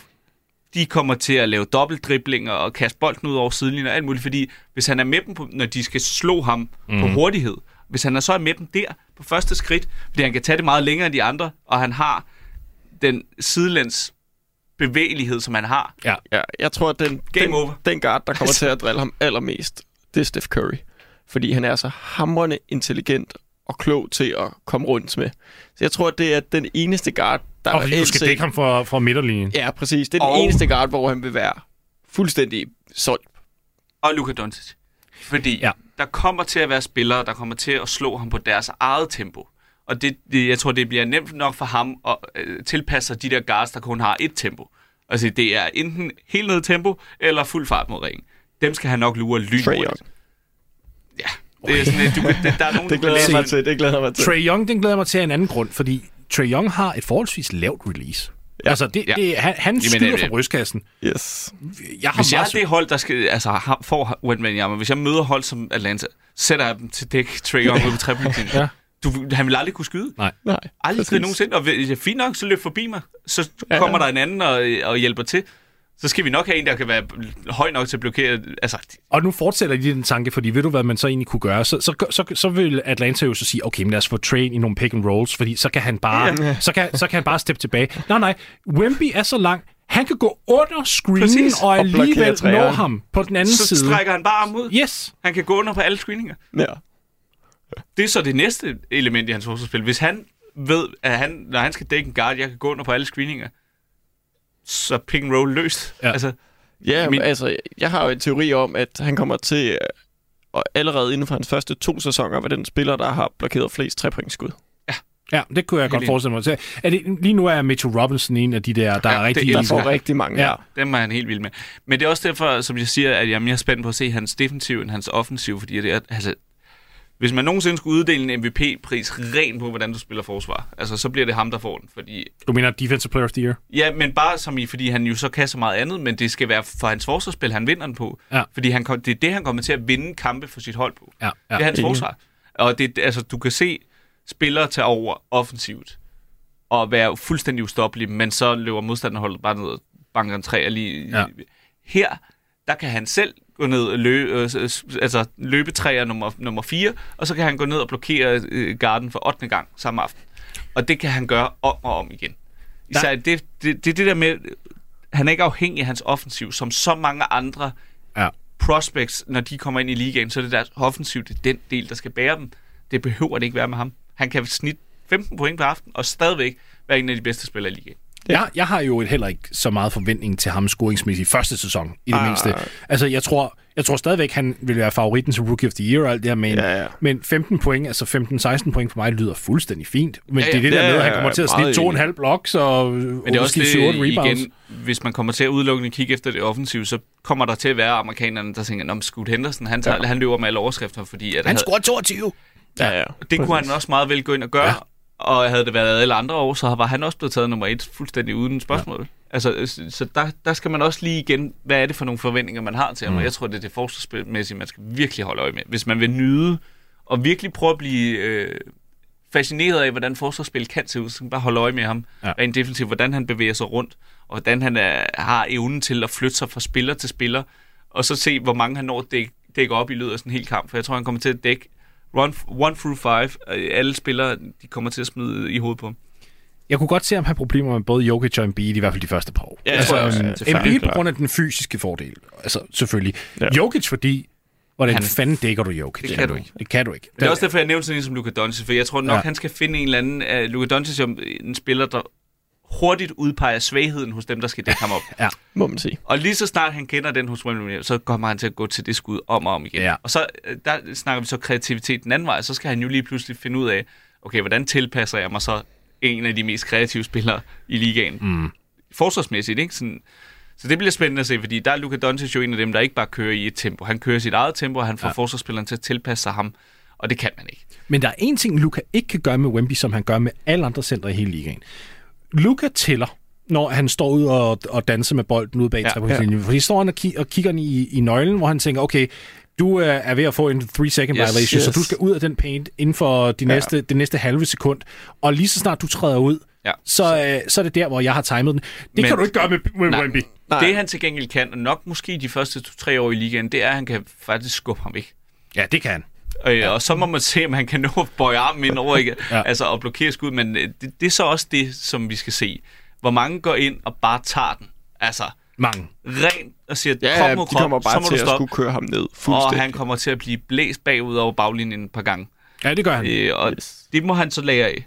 Og det betyder jo også, Daniel, at sådan noget, den der the rule of verticality, altså hvor han. Ja. skal hoppe lige op, den bliver jo ekstra vigtig for ham de, før, den. de første par år, fordi at det der med, hvis han begynder at hakke ned, så er det en fejl. Så får han fejl, ja. Men hvis han bare hopper lige op, altså behøver total ikke Roy. Hibbert i sin tid, Ja, Præcis. Jeg tror, at øh, for ham vil det være rigtig, rigtig godt, hvis han kan prøve at vinde sig af med at hoppe til at starte med ja. i hans forsvar. Så han bare siger, okay, fordi de her, de vil rigtig gerne have mig til at hoppe, så de kan komme forbi mig. Kan jeg bare stå, fordi jeg er alligevel højere end de andre, der hopper, når det er der. Så kan jeg bare stå, og så kan jeg samtidig have en chance for at følge med bagefter. Og så når han vender sig til det der med at stå lige op og ikke slå ned, så kan vi begynde at få hop på, når han har timingen. Ja, der snakker vi igen også noget, noget kropsmæssigt, noget fysisk, fordi jeg ved ikke om, altså hvis I prøver derhjemme og bare tager armene lige op i luften, og så holde dem deroppe i to minutter, og så gøre det sådan 20 gange. Træning med boss og beater. Så Sådan. finder jeg ja. rigtig hurtigt ud af, hvor hurtigt armene begynder stille og roligt at læne sig fremad, fordi ja. det er faktisk så pisse hårdt. Ja. Og det er også det, som altså, har han kræfterne til det. Fordi ja. jeg tror så meget, der kommer til at blive kørt på ham, at han kommer til at lave mange fejl. Den anden vej også. Det tror jeg også. Fordi lige så vel det er svært at konteste hans skud, lige så vel er det også svært for ham at konteste andres, uden at lave fejl. Ja. Og der er noget med en, en tilpasning både for ham og for dommerne og for alle mulige andre. Altså, hvordan er det egentlig, det hænger sammen, når han virkelig laver fejl, eller gør det ved en fejl? Dommerne skal virkelig lære ham at kende. Ja, altså, det tror jeg det er, også. Han bliver sådan en point of emphasis på et tidspunkt, yes. bare med, hvordan man gør det. Uh, jeg synes, det er en interessant teori, du kommer med, Daniel, med hensyn til, at han ikke skal hoppe, fordi så jeg, jeg prøver lige at tænke lidt videre på den. Han kunne rent faktisk bare vente ind til, at spilleren, uh, som han står overfor, ja. har sluppet bolden. Så kan han hoppe. Ja. Ja. Fordi han kan stadig Han kan nå gribe den. Ja. Han, han kan både gribe den, og han kan nå at få fingerspidserne på den. Præcis. Øhm, altså, det, det er selvfølgelig, så skal man så lige være ops på, at bolden må ikke være nedadgående, fordi så er det jo altså offensive interference. Men, men så er de også langt væk fra ham, hvis den begynder at gå Ja. ja. ned, når den, den når hans øh, højde. ja, så jeg tænker, nu nævnte du det der med, at han bliver en god, god, god til at blokere trepointsskud. Øhm, Ja. Floaters kunne jeg altså også godt se. Det Ja, er præcis. haps. Yes, ikke også? Især off-ball floaters. Ja. Hvor der er det, en eller anden, der laver en floater, så kommer han bare lige med en arm ind over. Ved du hvad, Slam. det, der bliver han Pac-Man. Men det er Altså- også lopspil, ikke? Altså, øh, øh, hele ideen om en pick and roll, øh, altså, det er jo, og det er derfor, jeg bliver ved med at vende tilbage til det. Han kan fuldstændig, og det, man skal se en NBA-kamp, for det, det fylder rigtig meget i løbet af sådan en helt normal ja. kamp. Især på de hold med en superstjerner, hvor de rigtig gerne bare vil sætte dem i scene og gerne noget en mod en spil. Hvis han kan komme ind, og fordi du kan ikke, hvis du ikke kan slå ham på dribling, du kan ikke spille nogen lige i, i nærheden, fordi så har han sin lange arm til at stå og gribe bolden. Du kan heller ikke spille et loftspil, for så kan han bare tage en arm op i luften, og du kan heller ikke gå til kurven, fordi så blokerer han. Hvad gør man? Ja. Han kan ene mand sætte et, et holds playbook fuldstændig i smadre. Og sige, okay, and roll, det, det må vi droppe. Altså, og hvad gør de så? Nå, hvad, hvad gør, okay, så lad os, lad os faktisk prøve at, hvad det, man kalder det, reverse engineer Ja. det her, fordi Hvordan slår man ham? Ja, så i sin tid, da Kawhi Leonard spillede i San Antonio og vandt de her, var det to priser, han vandt som ligaens bedste forsvarsspiller. Ja. Han var altså alt ødelæggende. Altså, yes. Ja, han var en distancespiller, han var ikke Wemby, det er jeg godt klar over med, at du, du ved, 240 vingefang og alt det her. Men det, det, han var så altså alt ødelæggende, at modstående angrebskæder, de, de prøvede simpelthen at undgå ham. Mm. De sagde simpelthen, okay, vi skal er på den højre side af gulvet, jamen så skal vi have bolden hen på den venstre side. Det. Ja. Der er ikke noget andet at gøre her. Vi bliver simpelthen nødt til at, at få ham så langt væk fra bolden, som vi overhovedet kan. Problemet er jo så bare, at San Antonio havde den her genialitet, hvor de så sagde, nej, men så trækker vi forsvaret lidt i den anden ende, og så yes. laver vi et pre-switch og alt det her. Altså, så, så det er nok, jeg tror faktisk, man bliver nødt til at skime mod Wemby i henhold til, lad os rent faktisk tage flere skud udefra. Lad os tage flere af de her øh, skud, der er længere væk fra hans tilstedeværelse. Det vil slet ikke Jeg, jeg, tror, mig. jeg tror, at det, der kommer til at ske, det er, at de sørger for, at når de får bolden op, og i starten af angrebet, at få bolden langt væk fra ham til at starte med. Og så ham, han dækker, kommer til at løbe igennem 400 screens, Ja. Ja. og bare køre ham træt. Og så kører de skududret ned, og de får ham til at bare skulle banke rundt om screens hele tiden, hele tiden. Og på et eller andet tidspunkt, så er han træt, eller får ikke fuldt med, eller så prøver de at skabe en fordel et sted, og så tager de det. Jeg tror, det er den måde, man kommer til at prøve at se, jamen, kan han holde? For det kræver sindssygt meget fysik, og dække sådan et forsvar, som vi drømmer om, han kan, og som mm. potentialet er der for dig. Men sjovt nok, det du beskriver lige nu, er ineffektivt offense. Så det vil jo faktisk Ja, ja, sige... enig, ja, ja, altså, jeg er helt Men enig det i bliver det mission nærmest uanset hvad, jo ikke? Fordi, ja. altså, det, et andet scenarie er, at han skal ende ud ved trepointslinjen, men det skal ikke være den mand, der, der øh, bliver dækket af ham, der tager skuddet. Ja. Nej. Så, og så lever man med et, en brændt afslutning, men så har du ham i det mindste ikke i nærheden af kurven til at tage en, en defensiv rebound, og så har du måske en reel mulighed til at slå hans hold Ja. i reboundspillet, fordi han ikke er ved kurven, fordi du hele tiden lokker ham væk. Så der, altså, de skal nok finde nogle måder. Ja, og, Helt sikkert. trepointslinje er jo også lidt længere i NBA, så der er lige Ja. pludselig lidt mere Ja, ja. at dække. Der er ikke to altså, skridt ind, som han har nu. Nej, nej, altså, altså, det sådan, det, og det er også det, altså, jeg, jeg sidder heller ikke og kigger på Wemby sådan i år 1 eller 2, og så siger, okay, nu skal han leve op til alt. Altså, der skal man, der skal man bare lige se, ja. Altså, no, at han skal finde noget, noget stabilitet, og så er det, og nok år 4 og 5, hvor vi ligesom begynder at Præcis, jeg tror få forventningerne i gang. det er nemlig øh, virkelig god pointe, fordi vi snakker ham så højt, men det, men det er som prospect, vi snakker Ja. ja. ham så højt. Han kommer ikke til at være lige så god som Luca, LeBron, AD var, da de kom ind. Zion var, da de kom ind. AD kunne jeg måske godt se. Ja, måske ja. AD. Mm. Det er omkring max, vil jeg sige. Det er nok hans topniveau på, Ja, på, på første år. Det er nok omkring AD plus minus. Ja. Han kommer ikke til at være lige så god som nogle af de andre hans første år. Men potentialet ja. i, i ham er bare så stort. Der er også lidt en, en comparison-agtig, som vi lige... Der er jo også lidt på sinkis over det, ikke? Det der med øh, at være så høj, og så det, han får brandet unicorn, og LeBron har jo allerede det Wembanyama for alien, ikke? Fordi det der med at, ja. at prøve at sætte ord på nogen, hvor du ikke rigtig ved, sådan, hvordan... Men det er nok også lige så meget i forhold til, hvor mange ukendte faktorer der er. Og det er også det der med, at vi kan sidde nu, og det bliver nok ikke sådan, men det kan, også, altså, det kan jo blive hvad som helst. Ja. Han kan også blive Greg Owen. Altså, det er sådan... Og det, det, det må Fy- du ikke smide fy- ud fy- i... undskyld. Det kan du så skamme dig. Den, den vil vi ikke have. Det cutter vi ud. Øh, Det kan... Nej, men, men hvis det sker, så, så går jeg tilbage til den her fil, og så får jeg Så er det alle... min skyld. Så er det din skyld. Ja. Du lytter til Bosser Beater på Radio 4. Vi har jo faktisk en øh, dansker, der har spillet mod Victor Wembanyama. Det er vores allesammens Ife Lundberg. Da han spillede ved Seska i sin tid, og spillede han mod Wembanyama, da han spillede i Asphalt. Og øh, selvfølgelig, så, øh, så fik jeg da lukket den kære Ife til at øh, snakke lidt om det, og det kan vi høre her. Ife Lundberg, du har rent faktisk spillet mod Victor Wembanyama, da du spillede for Seska, han spillede for Asphalt. Hvilke nogle overvejelser og betragtninger gjorde du der, da du var på banen med en, en spiller, der var så høj og koordineret, hvilket vi ikke rigtig har set før? Jamen, du rammer den plet til at starte med. Han var uden tvivl den højeste spiller på banen. Uh, han var jo yngre dengang, han er jo stadig meget ung nu, men man kunne godt se, at der var, der var noget råt i ham, der var noget råt talent og potentiale i ham. Han var stadig, uh, hvad skal man sige, den måde han spillede på var, var meget ungt. Altså, han var meget energisk, han prøvede forskellige ting, men altså, det, det er svært, når han er så stor, og han er, eller så høj, om ikke andet. Men selvfølgelig også, at du spiller på det bedste niveau øh, uden for NBA, og ja, som sagt, han var, han var altså, virkelig, virkelig ung og, og meget spinkel på det tidspunkt, så det også begrænset, hvad han gjorde, men der var, nu var det jo også kun en eller to kampe, jeg spillede mod ham, men der var et play eller to, to sekvenser, om ikke andet, hvor at man godt kunne se spurts og hans potentiale i hvert fald, netop fordi han er så lang, som han er når man kigger på en spiller, som der også har de der lange arme, især tæt på ringen, og, og du er jo en boardhandler, det er jo dit job, det er at komme ind til ringen og score, eller dish off og alt det her. Er, tøver man, eller, eller tænker man, ej, jeg bliver bare nødt til at, at gå ind, og så må, så, så, må jeg, så må jeg tvinge ham til at fejle mig? Hvad, hvad er filosofien?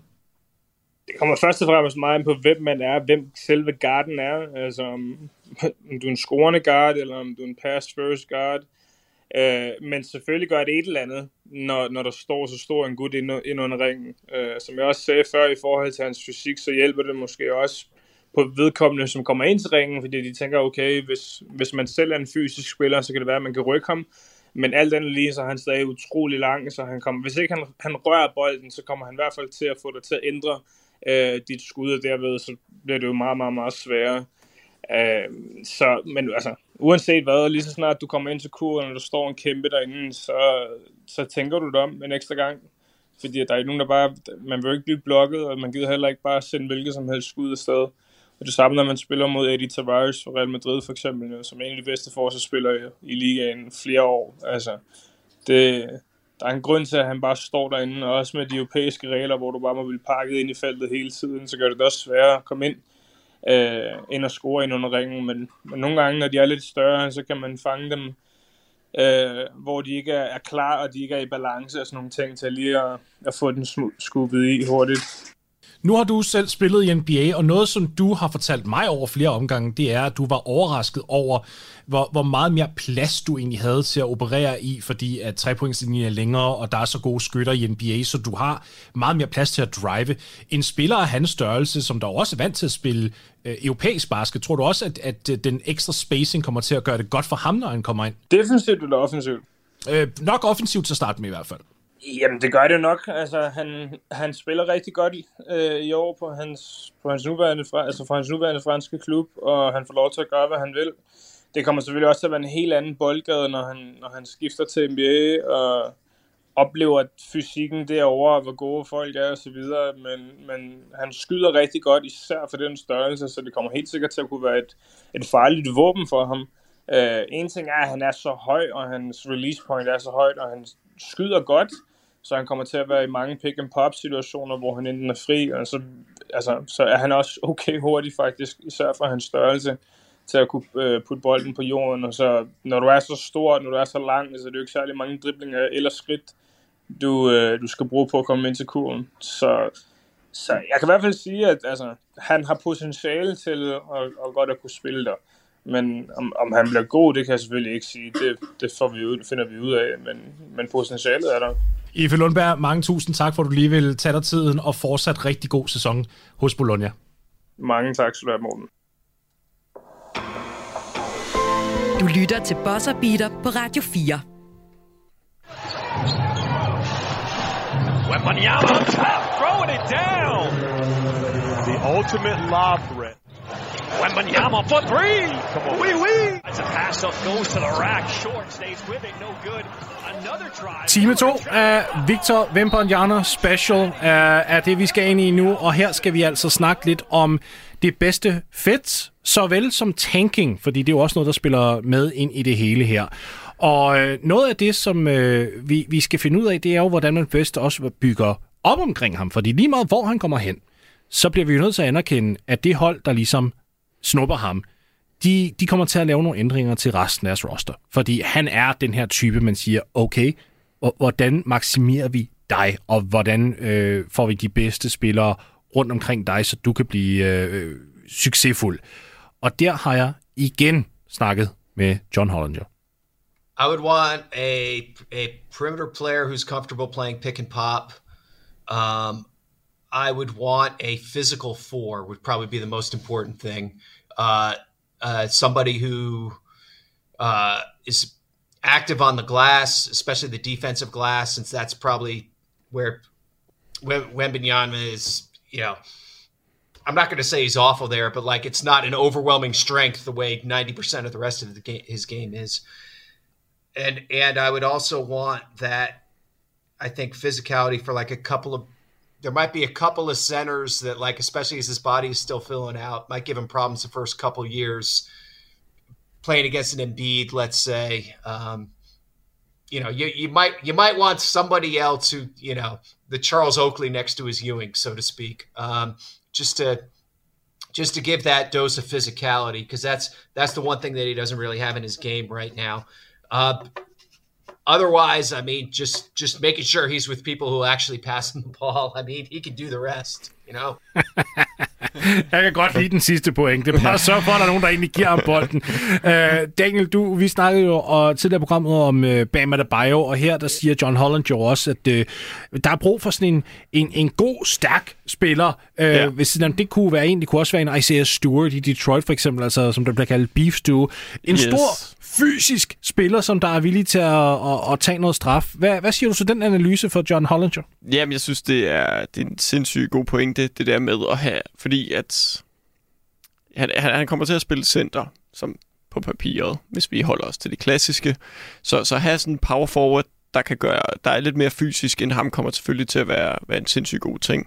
Jeg synes også, det er sindssygt vigtigt, hvis man kan få en... Øh, man skal selvfølgelig have, man skal have en elite guard forsvarsspiller der kan ramme en træer. Clay Thompson kommer lige til mind fra, fra hans bedste dage, synes jeg. Ja, ja fra hans bedste dage. Ja, ja, ja ikke som ja. ikke, ikke dags dato, nej. Men, men, men den type, en, en god skytte og en virkelig god fors, øh, forsvarsspiller, en uh, Michael Bridges fra Suns, kunne også være, være en, synes jeg også kunne være en, uh, et spændende spiller at have ved siden af. Men jeg synes, det er svært at finde den der fire i ligaen nu og her, der, hvor jeg siger, at perfekt fit være. Jonas, hvad tænker du? Jeg tænker, nævn et af de 30 hold. Altså, det er fuldstændig ligegyldigt. Jamen, det er det. altså, der er ingen grund til at snakke fedt og alt muligt og sådan noget. Det, det finder man ud af hen ad vejen. Der Nå, men hvad, hvis vi nu går ind i det teoretiske. Hvis, hvis vi nu siger, at Wemby han kommer til at ramme sit toppotentiale, hvordan vil du, øh, hvad, hvad vil, hvilke nogle brækker vil, Jeg vil ikke vil betragte ham som center, før jeg ved, hvad for en krop han har. For han okay. har ikke en krop som center. Men lad os sige, dit scenarie, som ja. du kom ind på tidligere, hvilket var en mellemting mellem Giannis og KD, hvilket ja. jeg synes faktisk lød rigtig fedt. Den er, ja, ja, den, den er totalt solgt på. Ja. Lad os sige, det er der, han rammer. Og så lad os sige, at hans skill level, som vi allerede har været inde på, det er også øh, det, det vedvarer og vokser, og han ligesom bliver den spiller, som vi håber, han bliver. Ja. Hvad, hvad er det så for nogle, øh, nogle brækker omkring ham? Det er en, øh, en point guard, der er villige ja. til at give ham bolden. Ja. Der måske tænker mere pass først, end, end at skyde først. Samtidig så skal der være en, en, shooting guard og en, en wingspiller, der er en trussel udefra, så de spreder gulvet ud. Og så skal de have en reboundende center power forward type, de kan sætte sammen med ham. Jeg føler, at han sagtens at han kan spille power forward. Det, den position kommer ikke til at betyde så meget for, om han er center eller power forward eller small forward. Altså, jeg tror, Nej, det det ser bliver meget, også med, med Jokic. Det, det er bliver meget, ja, det bliver meget flydende. Så det handler sådan set bare om at finde ud af rimelig hurtigt, at han er en god rebounder på, øh, efter NBA-standard. Hvis han er, så handler det måske mere om at finde en, der også kan sprede gulvet på den position, så man gør ham selv endnu farligere. Hvis rebounding er en svaghed i hans spil, så sæt en dygtig rebounder ved siden af ham. Øh, hvis han lige pludselig kommer til at lave en helvedes masse fejl på grund af, øh, når han skal ind og blokere skud, øh, det vi snakkede om med, når han skal ind og conteste inde ved ringen, så måske sætte en dygtig shotblocker ved siden af ham, så han ikke skal tage dem alle sammen selv. Øh, netop hvis holdene kommer til at sætte ham meget i situationer, hvor han bliver isoleret ude på gulvet, så er det måske også rart for øh, et hold at have en, der kan øh, blokere skud ved ringen, selvom de mister ham længere ude. Øh, så jeg, jeg tror, der er mange øh, veje til, til Jeg har, jeg for har fire spillere her, som er... Miles så- Turner igen. Wow. Nå, men, og det er ikke engang, men det er jo sådan noget, du skal have en, der vil kunne ramme en fri træer, men også kan blokere skud og tage en enkelt rebound i ny og næ, ja. og har noget fysisk presence. Det er jo sådan noget... Han, er- han er så ikke en god nok rebounder, vil jeg Nej, så nej, sige. nej. Men, men, men det, Jeg har, jeg, har, jeg, har, jeg har fire spillere, jeg godt kunne se spille ved siden af ham, som er fire rollespillere, måske realistiske spillere. Malcolm Brogdon, Ja. Desmond Bain, Ja. Michael Bridges og Larry Nance Jr. Og Larry Ja. ja. Nance er den, jeg er mest i tvivl om. Men, men hvis man skal sige, okay, vi kan ikke gå ud og tage de bedste hist og pist fra. Her, her siger du også bare F-alder. Ja, ja, F eller Ja. F det hele. Bare Okay. spilletyper. Ja, ja. Sådan en slags fire spilletyper, som, hvor man ikke siger, at det er superstjerner eller all-stars eller noget. Desmond Bain ved jeg godt har, har stået meget potentiale. Øh, men, men det er sådan en slags måde, jeg vil prøve at bygge op på med de type spillere. Men det er også derfor, Uselviske. at jeg siger, at det er ligegyldigt, fordi at det trader du dig til, fordi den type, mm. du skal have ved siden af ham, er jo ikke en superstjerne. Altså, det kan, du, du skal finde den helt rigtige point guard til at spille sammen med ham. Ja. Og øh, der må man efterhånden sige, at der er så meget talent i ligaen, at nærmest ligegyldigt, hvor han bliver draftet hen til, så er der en dygtig guard på et hvert hold. Så den del er ikke rigtig så stor en bekymring. Du skal nok finde en, der kan finde ud af at give ham bolden. Resten, hvis vi snakker, det er en rollespil, det er rollespil typer af den kaliber, man skal sætte ved siden af ham, så det hold, der, der drafter ham, de kommer til at trade sig til, eller øh, gå øh, ud i free agency og signe de her spillere, som ikke er nogen, der vælter hverken budget eller øh, er fuldstændig umuligt at få fat på. Så jeg tror ikke, det bliver svært for de forskellige hold. Lige så snart de har sådan identificeret, hvad er det, der er brug for at få rundt om ham, så er det forholdsvis nemt for de forskellige hold at få sat det hold på banen. Det handler bare om reelt set, hvem er, he- altså, hvem er heldigst at drafte ham ind i en bedre situation i forvejen. Jamen, det Altså- kommer vi til. Det kommer vi nemlig til, Ja. fordi det er anden del af det her. Jeg tænker, at vi først skal prøve bare at identificere, hvilken- hvordan sådan de her arketyper af brækkerne. Og, og jeg, jeg tænker også, først og fremmest, så bliver vi simpelthen offensivt nødt til at sige spacing, spacing, spacing. Yes. Det er alle dem omkring yes. ham skal kunne være i stand til at skyde til en vis grad. Er, er der en, der skyder lidt lav volumen, fint nok, men så længe du bare rammer altså, Ja, det der så fuldstændig ligesom alle andre hold tæller, tænker i forvejen. Så der er jo ikke rigtig så meget nyt til så der er det. ikke, nej, det er der ikke. Jamen, det, det er rigtigt, men det er stadig en, en nødvendighed. Men det er igen mere- også for at sige, at du kan plotte ham ind på. Ja, Ja, jeg vil gå ho- virkelig hårdt efter at få en point guard, der er defensiv indstillet Mhm. og med god ballhandling. Fordi mange point guards i dag er meget, jeg skal score, jeg skal være i fokus, og, og, og det tror jeg ikke kommer til at fungere, fordi de får svært ved at, kan man sige, for mange af dem at give fokus væk, og, og, og, og hvis, hvis de ikke er gode forsvarsmæssigt, så kommer det til bare at blive sværere for ham at, at have, kan man sige, indflydelse forsvarsmæssigt, hvor at jeg vil virkelig prioritere øh, en playmaker. Ja, Men- en DeJounte Murray. Han bliver også nemmere at stå imod, hvis holdene ved, at hans point guard Ja. ja. udelukkende tænker på at give ham bolden.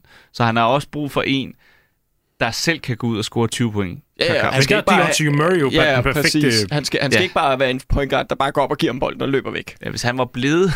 Hvis han er blevet. Vi prøver at- Okay, jeg, jeg tror faktisk, jeg har den nu, fordi jeg er enig med, med den analyse. Deontay på, på pointen, fordi altså, ja. han er en gut, som der er en fortræffelig playmaker, og han er faktisk også blevet bedre som trepointskytte, Yes. øh, som tiden er gået. Og hvis han sætter standarden for, for din laveste spiller, så har du et, et uhyggeligt hold. Lige præcis.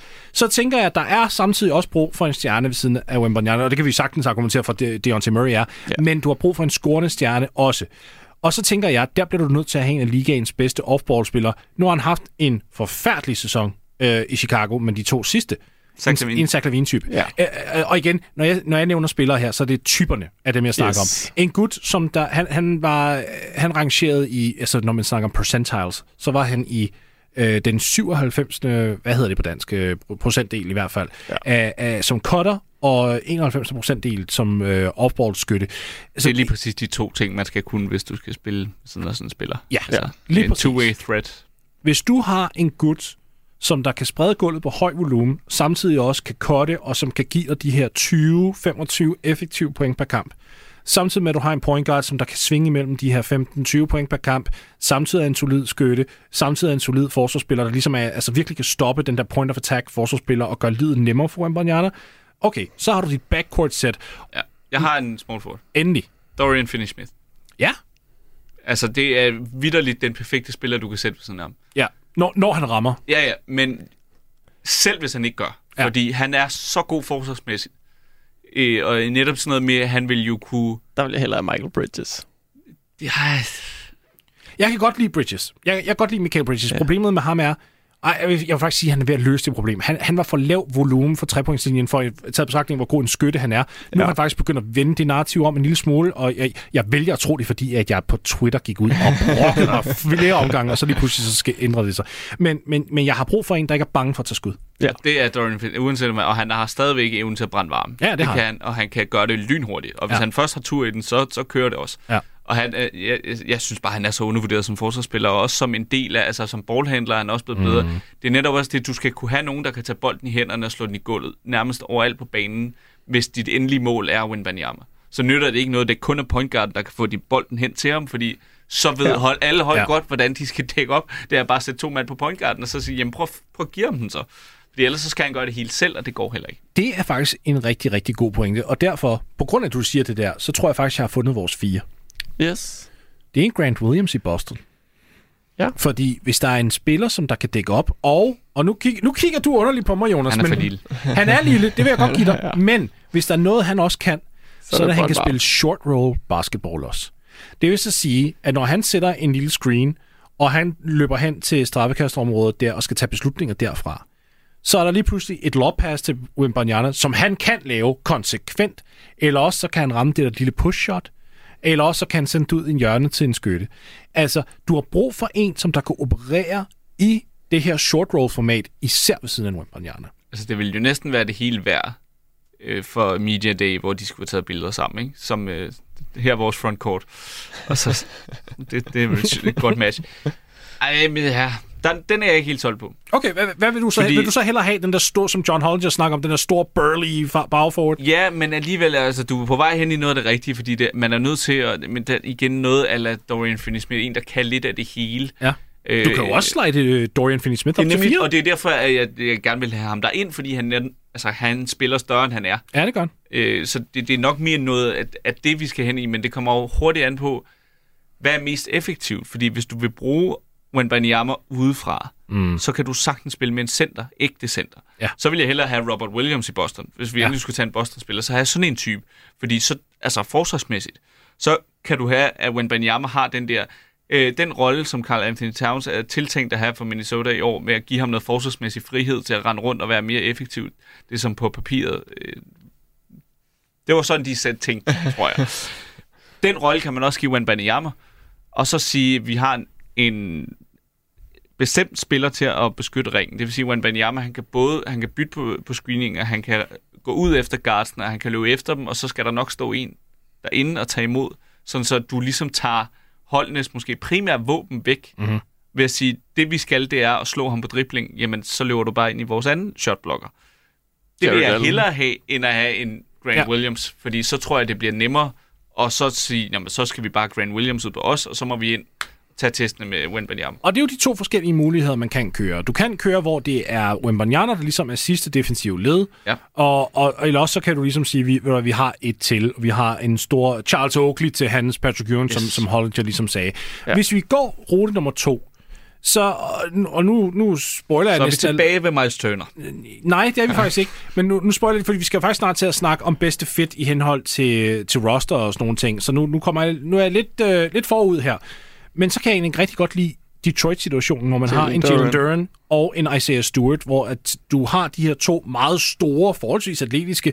Fair nok, Duran kan ikke ramme træerne. Det er et problem. Det, altså, hvis du har en Wembanyama, så så skal man helst, så, så er vi nok ude i en Miles Turner, hvis man skulle have det valg. Men en, en Isaiah Stewart, der her i år, er li- lige pludselig er blevet en trepointskytte, mm. der tager fire per kamp, rammer med 37-38 procent. Helt udmærket. Defensivt er, ja, han er ikke høj. Altså, han er ikke 6-10, jeg tror, han er 2 meter og, og, og 3 eller sådan noget lignende. Men han, ligesom Dorian Finney-Smith, spiller større. Han er fysisk, og er han, er, han, han, han bløder også en del, og det er fordi, han ikke er bange for, for kontakt. Altså, hvad var det, LeBron? Han, Ja, ja. han gik efter LeBron. Han spurtede tværs over banen for at komme efter ham. Han, var, han vil efter, han vil give LeBron, altså helt Ja, seriøst, ja, var hvis, hvis ikke han var blevet stoppet, Så var han, Han- havde han ikke spillet ligaen i det. nej, det Nej, havde det han ikke. Han havde tæsket LeBron James. Ja, ah, jeg tror nu ikke, at man kan tæske LeBron. Det tror jeg, fordi, ved du hvad, han var, altså, Ja, ja, Beef. Stew, han er en af de få, som jeg i hvert fald ikke tør møde i en mørk gyde. Det kan jeg godt fortælle dig. Ah, nu skal vi da også lige huske på, hvilken øh, opvækst LeBron James har. Han er altså ikke kommet fra ingenting. Men ej, men de sidste tror 15 nok, år, han- der har han ikke haft nogen mangler, lad mig sige det på den. Nej, Man jeg, kan godt blive tror, lidt kan godt, man han, ikke? Nej, jeg tror godt, han kan dele ud LeBron, hvis det lige kommer til det.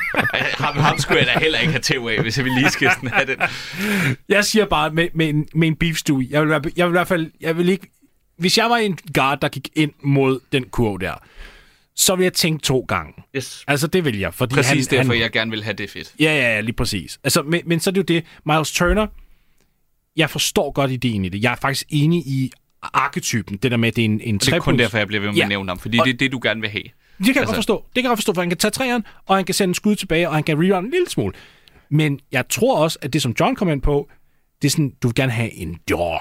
Altså, du vil gerne have en, der bare, altså, scrapper og, og river, og altså I hvert fald de første 3-4 år, han er i ligaen. et rigtig røvhul, Ja. for at sige det lige ud. Og, så, og, og det er der, hvor jeg tænker, det er Miles Turner bare ikke. Jeg elsker mig. Han er super flink, mand. Han er bare sådan, flink. Han er sådan en, der går på Twitter sådan, og vi se, hvad jeg har lavet af Lego. Og, Ja. det, og, det, og det, er ikke, der er intet galt med det. Jeg elsker det. Jeg elsker Miles Turner. Ja. Ja. Jeg tror bare ikke med Wembanyama, at det måske er den personlighedstype, du har brug for lige der de første par år. Draymond Green. Ja. Og, Ja. og han kan short roll. Det var, jeg skulle til at sige, Ja. fordi da du sagde Grant Williams, så jeg tænkte sådan, så ville jeg da hellere have Draymond Green ved siden af ham. Ja, ja. Altså, fordi så har du igen den der, han kan også aflevere, han kan også, så, så har Ja. du den der, Han kan bare do ikke little bit bag træeren. Men, men, ja, men Jonas, Jonas, vi rygsækken vil er meget gerne tungere her undgå, de seneste par år. vil vi ikke gerne undgå, at vi lige pludselig finder Wembanyama liggende på træningsgulvet? Jamen, at Draymond ville jo ikke kunne nå derop, så det ville være slå ham i brystkassen. Altså, det ville se helt dumt ud. Det går ikke. Nej, okay. Men, men det, det er faktisk en rigtig god øh, arketyp. Også fordi, lad os nu være helt ærlige, altså, øh, Draymond specifikt, hans værdi er fandme ikke, hvor den har Nej, været før. han ville være nem at få fat på. Og, det tror jeg også. Gud hjælp mig, vil, hvor ville han være en god spiller her omkring ham. Og han spillede ved Michigan State, så hvis at Wembanyama skulle ind i Detroit, så, ja. øh, så kunne han måske godt blive overtalt til, at gå til en, til en lille hjemkomst. Um, Altså, Det, det, jeg, det, jeg, det, det er ikke helt det samme, tror jeg, jeg. jeg sidder bare og tænker på en, en fire aldersmæssigt også, Evan Mobley. Det kommer ikke til at ske. Nej, men Når så kan den- vi lige så godt gå hjem. Så, Ja, er præcis. så er der ingen grund til at men, spille men længere. spørgsmålet er bare, om... til sammen vejer de måske lige så ja, jeg meget som skal en lige til at bil. se, om de simpelthen vejer- vejer for let til at, til at spille sammen. Øhm, men, men, men det er lidt den der type. Så er vi jo ude i noget NBA 2K, sådan noget. Ja, øh, præcis. Ja, ja. Altså my team, øh, cheat codes, altså hvor, hvad, hvad, hvad skal du Har gøre? Cleveland ikke et eller andet pick i år, der de kan få? Nej, men, men, men altså, nu skal vi jo... Øh, der, er- der er jo en, en helt anden idé i det her. Det er jo, at Lakers kan jo principielt set, hvis de misser slutspillet og vinder lotteriet, så Ja, ryger, så han ryger kan han af til, sejren. til ja. Ja. ja. Og sejren til trods for, at han stadig ikke er en elite forsvarsspiller på nogen måde, så er han blevet bedre. Han er blevet bedre til at forstå sin fysik. Øh, og Og der, jeg vil være bekymret ved at have de to. Ja, jeg ved, der er også et eller skadesmæssigt eller hvad? Bare, alt. Ja, der er også Ja. et eller andet for mig, der bare... Det er rigtigt, og jeg kan ikke forklare, hvad det er. Nej. Men jeg tænker bare, nej, det fungerer ikke. Ej, Og der jeg er kan jeg ikke ikke med. forklare, hvorfor. Der er jeg ikke med, fordi hvis der er noget, som sejren også har brug for, så er det en center, der virkelig godt kan strække gulvet og gøre alt muligt. Jeg tror, det vil være en farlig, farlig Til duo. gengæld, jeg kunne ikke forestille mig en bedre... Nu, nu må jeg kalde ham point guard efterhånden. Ja. Ja. CJ McCollum. Jeg vil nærmest ikke kunne finde en bedre spiller at sætte sammen med ham. Uh, Wembanyama. Altså, det er lige Sean Murray. præcis sådan en... Ja, Altså, du tænker, offensivt vil jeg faktisk være enig. Defensivt er jeg ikke enig. Ren, ren Ja. ja. offensivt. Altså Ja. fordi, at i, takt med, at han er blevet mere en one guard, end han er two guard efterhånden, den måde, han spiller på, altså han er fra, blevet fremragende til at sætte sine medspillere Mhm. op, men er samtidig en af de mest intelligente offensivspillere, der er, så uh, han vil jo kunne score 25 i snit hver Ja. aften. Ja. Og med en Wembanyama, som i uh, de der pick-and-pop-situationer, hvad de ikke kunne skabe, af sådan, og, og hele tiden at forsvaret skulle gætte sig til, hvad gør de næste gang? Ja. Bliver det en Wembanyama træer, bliver det CJ McCollum træer, hvem cutter, øh, altså hvem bliver ballhandler? Det er sådan en aktiv type, sådan en, hvor du snakker, der er en trussel alle steder på gulvet. Ja, fordi McCollum er jo ikke kun en trepointsskytter. Han er jo en, der han kan komme er ind. virkelig dygtig ja, til at komme til Altså, kurven. det, og, og ikke kun og kurven. midrange, Midrange, også. ja. Og det er lige præcis derfor, det er jo derfor, jeg lige sådan, når vi snakkede øh, New Orleans, så kunne jeg bare for, jeg kunne godt se det for mig, at de kunne sådan bruge hinanden meget effektivt. Forsvarsmæssigt, Men- så er det jo men- lidt mere. Men det vil også være helt absurd. McCollum, Ingram, Zion, Wembanyama, og så Herb Ife. Jones. Ife også, ja. Trey Murphy og Ife. Ja. Nej, men altså, det ville være helt fremragende jo. Altså, jeg, jeg, jeg tænker i hvert fald, jeg synes, du kommer ind på noget af det helt rigtige der, øh, Jonas, med hensyn til, du skal faktisk have en point guard, der kan komme ind i det der midrange area også. Ja. Og, og, og dagen til din pointe, det er jo også noget, Deontay Murray kan. Altså, M- Ja. Murray er jo også en af de her gutter, der virkelig kan finde sin egen øh, skud i midrange-området, yes. området, og så der også tage den hen mod ringen.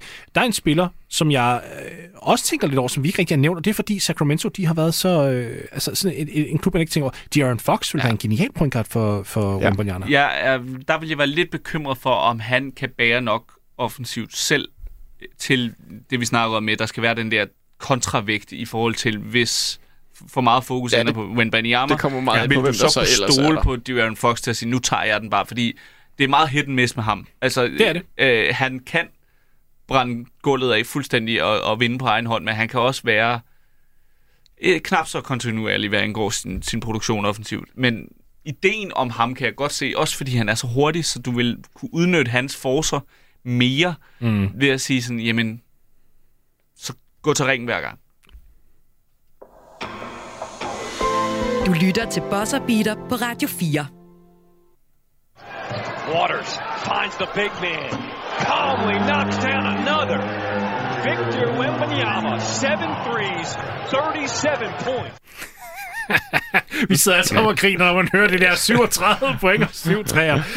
Um, vi snakker jo selvfølgelig om øh, Wembanyama og hvilke nogle spillere man, man bedst sætter sammen med ham, og der tænker vi jo både offensivt og defensivt. Men lad os prøve at rykke lidt videre til faktisk det bedste fit. Og, og vi kom lidt på det tidligere med hensyn ja. til holdene, fordi vi bliver nødt til at tage udgangspunkt i de hold, der lige nu er i lotteriet, og de hold, der kan øh, simpelthen vinde øh, hele lotteriet og få, få ham ind.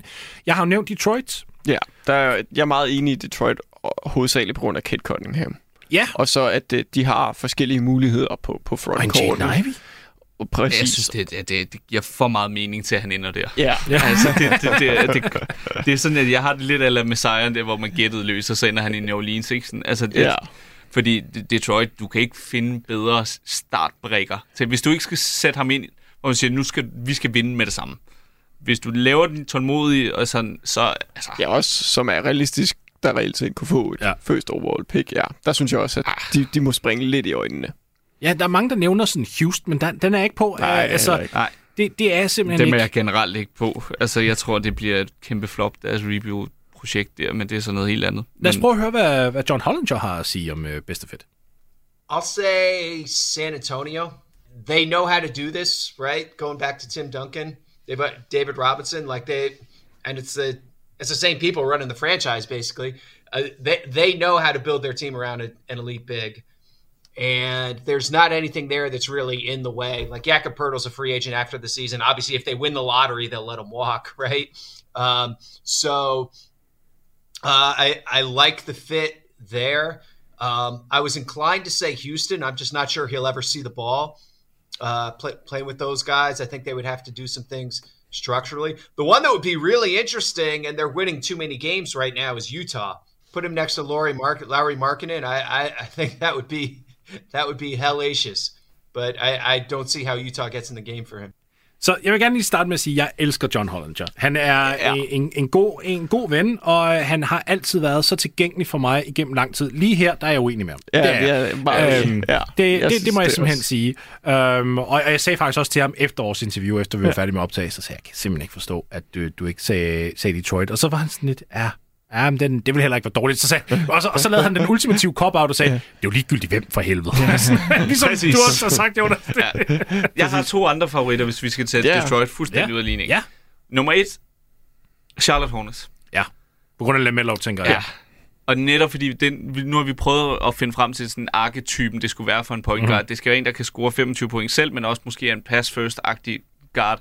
Og øh, det er jo ikke realistisk, at han ender med Luka Doncic, så hvis man tager ham ud af ligningen, så kan jeg ikke nævne en, der er bedre end Lamelo. Altså, altså, de to sammen. Ja. Og så ellers bare bygge op og sige, at vi skal bare have forsvarsspillere og tre ja. ind omkring. Ja, så 3D og i hvert fald en short road spiller. ja, ja, så har du altså noget der. Og ved du hvad, her, uh, jeg bliver nødt til at sige det. Hvis bare Miles Bridges Ja, ikke havde var været ikke et, et forfærdeligt Ja. menneske. Ja, præcis. Gud, hvor havde det været fantastisk, Yes. sådan en trio der. Ja. Det er jo det, der var, der, der var noget der så. Altså, Det, ja, præcis. Jeg synes, øh, jeg tror også, altså Orlando kunne også være ganske fint. De har vist fine takter indtil videre. Øh, der kunne jeg også se ham. Der vil jeg hellere se ham end Utah i hvert fald. øh, det synes Utah, det er lidt ude. Jeg, øh, San Antonio lever rigtig meget på deres Tim Duncan tid. Ja, det gør de. Ja, jeg de synes de godt meget nok på ikke, det. at siden Tim Duncan han stoppede, det er ikke meget godt, de har gjort. Nej. Det, det, man lever lidt for meget. Jeg vil ikke have, at han kommer derhen. Jeg ved godt, der er mange, der drømmer om det, og man har set ham i spøgestragter og, og tilbage for det der. Men man skal tænke på, det kan godt være, at de var gode til at bygge op omkring Tim Duncan. Han er også kæmpe talent og så videre, men det er mange år siden. Følger de med? Kan de stadig? Og så videre. Det kan de med, med, med, med wingspillere. Nu, nu skal vi være Ja. fair. De har udviklet Devin Vassell, der lige nu spiller genial basketball. Kelton Johnson er også hammerne dygtig. De har bare ikke rigtig haft den her big man, altså, så, som de har draftet og ligesom sagt, oh, okay, nu, nu har de jo Jeremy Sohan i hus, ja. Ja. og vi må se, hvad han bliver til. Men sjovt nok også en spiller, der vil være ret genial. det vil ved være en meget, meget spændende Ja, frontcourt, og så det- med noget. Keldon Johnson øh, og Vassell Ja. ja. ved siden af, og så, så skal de bare ud og finde Garden. Garden. Guard. Og Der havde de jo en, en, en Deontay Murray, Ja. men, men, men igen, se, hvis, hvis ikke de her åndssvage extension-regler i Ja. NBA havde Ja. begrænset San Antonio fra at beholde ham, altså, prøv Så er de i hvert fald gode til at det. få ham. Ja, det havde de, men det havde fandme også været sjovt. Så havde du haft Deontay, du havde haft Devin Vassell, du havde haft. Keldon Johnson, Jeremy Sohan og Victor Wembanyama. Gud, det skulle da line up'en. Ja, Ja. Det er da line up'en. Det har været rigtig spændende. det må man sige. Men det har de ikke. Så er der et hold, der kan lave noget næsten... Og kan lave det vildeste hold Må jeg høre? nogensinde i NBA-historien. Det er Oklahoma. City. Ja. Ja. Fordi bare tanken om Chet Holmgren og Victor Wembanyama ved siden hader hinanden Morten. Ja, den hader jeg. den er absurd. Men hvis jeg nu siger, at det ikke er på grund af Chet Holmgren, det er spændende. Det er udelukkende på grund af SGA. Ja, ja, ja. Altså, Shea Gillius Alexander og Wembanyama sammen. Alene. Du kan, du, kan, du Ja. kan starte der, og så kan du flytte Og så har du Poku Dort, som og- kan dække Ja. ja. alle op i ligaen, og så kan du stille og roligt De begynde kunne lave at den plugge ind. højeste starting five med Shea Gilgis Alexander, Jamen, altså. Just Giddy, Poku, Holmgren og Wemby. Ja. Altså, og det er nemlig det, fordi det var det, jeg ville frem til. Det har intet med Holmgren at gøre. Og det er ikke for, at, altså, intet ondt ord om ham, men du kan gøre, hvad du vil med ham, Ja, ja. hvis du har øh, Wembanyama i hus. Altså, og gøre ham til 6. mand, til power forward, det er ligegyldigt. Hvis du har Gilgis Alexander, jo, Josh Giddy og Lou Dort, og så Wembanyama, altså, så har du et hold, der kan Ja, ja, vinde, jeg ved ikke, hvor mange mesterskaber, fordi så har du nemlig lige præcis det, vi har snakket om. Der er nogen, der skal arbejde lidt på deres skud fra. Lou Dort, han bliver bedre og bedre. Josh Giddy, han skal lige bygge nogle procenter på. Han har vist, at han godt kan. Tror I, at Thunder kan trade øh, Holmgren et første rundevalg, de har for Scoot Henderson? Nej, det er ikke nok. Nej, Tre første rundevalg? Ja, så er vi Ja, ude ja. noget. Det Så er kan vi vi ude. Men, men altså, hvis de nu Nej, får første sagtens, Jonas. Hvis, ikke sige sagtens. hvis, hvis de nu ude og får første rundevalget, Ja. så er det bare gå ud og trade sig for det andet rundevalg. Ja, jeg, det er faktisk sjovt, du nævner det, fordi jeg tror også... punch. Jamen, jeg tror nemlig også, at en af de, at sjovt nok en af de bedste løsninger der, point guard-mæssigt for Wembanyama, det er Scoot Henderson. Vi, nu, nu, nu igen, nu viser jeg min hat, og nu går vi helt tilbage til 2008. Øh, I det draft, der, der havde Chicago nummer et, det var, yes. det var Derrick Rose, de valgte. Og, og man sad der i Chicago hele tiden og sagde, hvordan skal vi bygge op omkring den her unge mand? Og, og det, det sjove var, løsningen var i det selv samme draft. Alle sådan, de der spillere, der var i periferien, de passede perfekt til en Kevin Love, som der Ja. på det tidspunkt var sådan en... Altså, det var, jo, det var jo før trepoints evolutionen, men han var stadigvæk en midrange skytte på det tidspunkt. Han var en solid rebounder, han var en playmaker ud af posten. Han var en det, god, der var mange god rebounder. Lige præcis. Du havde en Brook Lopez, der på det tidspunkt var en, en, øh, en spiller, som der kunne score tæt på ringen også, og alle de her ting. Øh, en, hvem pokker er det, jeg glemmer? Jeg glemmer en uh, Jared Bayless. Han er så ude af ligaen nu, ja. men han var den her slashing guard, du kunne bruge både som etter og toer, og nogle gange, så er det bedste svar faktisk sjovt nok i ja. selv samme draft class. Det, Jeg det er tror- sådan lidt... Ja, jeg tror, de ville få for svært ved netop det der med at, øh, at dele bold og scoringer mellem hinanden. Øh, der tror jeg ikke, Scoot Henderson han bliver en pass first point guard. Han Det skal, tror jeg. Det tror jeg, han virkelig uselvisk. Han, den, den der, han, prøver vi, vi, nu- jeg ved godt, i de der G-League-kampe, eller i den ja. ene, han spillede jo kun Ja, ja, ja, ja, i ja, den ja. ene, at der var han meget selvisk. Men jeg tror, det var fordi hypen bare lige Men det er der. nemlig det, og jeg tror, det vil... Det, altså, de kommer til at hænge sammen. Ja. Og det er det, der er min pointe, sådan, at det vil ikke være godt for deres karriere individuelt at spille sammen. Det har jeg, det, det har jeg svært ved at se, fordi Ja, jeg tror... Scoots måske. Jeg Ja, tror, Wemby det lige meget. hvad. det er klart, men det er nemlig også, fordi jeg har ret høje tanker om øh, Henderson. Jeg tror, han kan blive en rigtig, rigtig god spiller. Jeg Ja. ja. tror, han har brug for sit eget hold. Ja. Hvorimod jeg tænker, sådan en som Shea Gilgis Alexander, hvor du allerede ved nu, han er en elite-scorer, men han er også Ja. en vanvittig god playmaker. Han har noget højde, øh, noget længde, som kan spille noget, noget forsvar og sådan noget. Sæt ham ind sammen med sådan en spiller som ham, som jeg også har vist, at han øh, behøver ikke score 30 point, men mm. han kan godt, hvis det er nødvendigt. Det er lige præcis sådan en, han har brug for at spille med.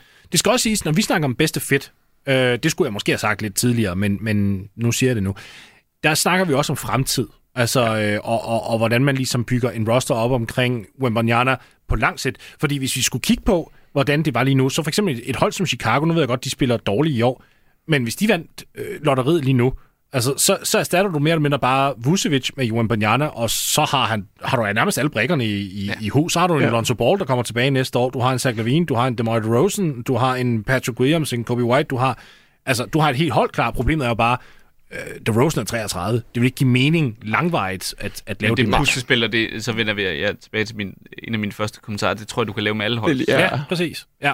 Og, det, og, Og og det er også det- derfor, man skal prøve at tænke langsigtet, fordi. Ja. jeg vil have at, at Wembanyama, øh, eller rettere sagt, det hold, der, der drafter Wembanyama, står i sådan en situation, hvor at de skal sidde og sige, okay, nu, nu går vi ud og bruger en masse penge på nogle veteraner, og så når Ej, de ager nej, ud, nej. jamen, så skal vi starte om igen. Nej, du bliver nødt til allerede fra start, når du får Wembanyama ind, og så sige, vi skal have mindst to eller tre kernespillere, altså faste starter ved siden af ham, der er i samme alders... Øh, i nogenlunde Max fem alder. år ældre end ham. Ja. Ja. Det skal være inden for, at med, med, med fem år, sådan, så har du et- et vindue. Jamen, så er SGA ude. Det er 6 år. Han er 24. Og Wemby er 18. Indtil du er 25, så 4. gælder januar bliver han 19. Øh, 4. januar bliver han 19. Til og med 25 år gammel må du godt være. Jeg så også bare lige det med alder. Det er helt crazy at tænke på, at han er født efter LeBron James bliver draftet. Ja. Det er helt absurd. Nej, men, men jeg elsker... Jeg, jeg, jeg, det, det var mest en joke, fordi jeg er som Ja. ja. 24 år, ikke? Også det kan du godt. Men, men, men det, det er bare det der med, vi har bare set det så mange gange før, at der er nogen, der får en eller anden stjernerookie ind, og så siger de, fedt, vi går all in på en veteran, og så tre Yes. år efter, så er den veteran bare en skygge af sig selv, og fylder alt for meget på cap sheetet, og så er, er øh, øh, rookie-spilleren, som ikke er en rookie længere, men en superstjerne, han skal jo have en ny kontrakt, så han, fordi han ikke er en pro-rookie-kontrakt længere, ja. så fylder hans løn på kappen, og så står du der med ingen mulighed for at opgradere rosteren, og det skal det hold, Og det som vi er- kommer til det- bare igen i. Du kan Og se, hvordan med Dallas jeg lige for til at sige eksempel. Altså, de er bare på røven, fordi de har nogle rigtig, rigtig dumme kontrakter. Så man sidder og tænker, det må kunne lade sig gøre at sætte et hold på banen, hvor det er bygget op omkring Luka Doncic, og de kan bare ikke gøre noget. Men måske er det det bedste fit. Øhm, lad os lige prøve at høre John Holland. like I still wonder about like Dallas, like if you know if anything happens to Luca, like they gotta like shut it down right away, right? And and just go- go all in on those lottery chips, because my goodness, if you had those two together. Altså, jeg lavede jo et, et helt program øh, her, her på Boss Beater omkring hele den idé med, at, at faktisk Dallas kunne være, være med i det ja. her, fordi at de, de skylder jo et uh, draft pick til New York, der er top 10 beskyttet, så hvis de lige Yes. pludselig bliver dårlige nok. Uh, lige nu er de ikke i lotteribilledet, men hvis de ender der, så vil jeg faktisk sige med det samme, så kan vi smide alt det, der hedder bedste fedt ud af vinduet, ja, fordi så er det Dallas. Ja. Der er ingen tvivl. Så det, og, og det er udelukkende på grund af Luca. Jeg Ja, er ja, ja. fløjtende ligeglad med... Altså, og jeg kan godt lide Josh Green, men jeg er ligeglad med ham i, det, i Ja, den ja, ja, forstand. ja, ja. Det er ikke det, det handler om. Det handler om Luca. Ja, men nej, men det, altså, det er en skør tanke, fordi så er du ude i, at Luka Doncic vil kunne ramme sådan nogle John Stockton-agtige assist-tal. Altså, ja. han, øh, men det, det, det, Jeg ved ikke Det hvordan man stopper at det. sige. Jamen det, er, jamen det er det, fordi hvordan, hvad, skal du, hvad skal du gøre? Fordi hvem, hvem vil du så helst prøve at stoppe? Det er jo det, du skal beslutte med dig selv. Det er, hvem kan vi leve med score 35 point? Ja. Altså, det, det, det, og hvem skal kun score 25? Altså, det er jo sådan noget... Ja. Det er Men, måske meget godt, det ikke kommer derud, Ja. fordi så, så vil der ikke rigtig være noget spænding i NBA de næste 10 år. Nej, men øh, Altså, Luka Doncic, han bliver free agent på et tidspunkt. Ja, øh, og der og spiller så han ikke mere. han er...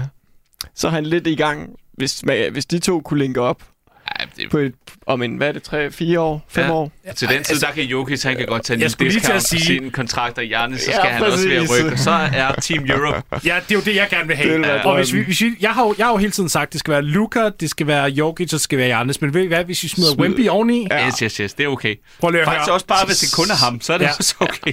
Vil Det er på tide at lave det All-Star om, så vi kan få øh, Vil det være det mest positionsløse hold nogensinde? Det Ja. må det næsten være. Ja, Ja, ja, ja. Altså, det vil det. Du, er, du har bogstaveligt talt fire superstjerner, der kan gøre det hele. Ja, du Yes. har fire point guards, der alle sammen kan spille. Lige, Ej, jeg tror, jeg, ja. Han er bamset nok til det, men øh, altså, han vil så være fire mest- positioner Ja, uden problemer Ja, ja. alle sammen. Ja, du har, du har jo Jokic, der kan spille 1-5, altså fordi ja. Han er jo en, han er jo en point guard center yes. Mere eller mindre.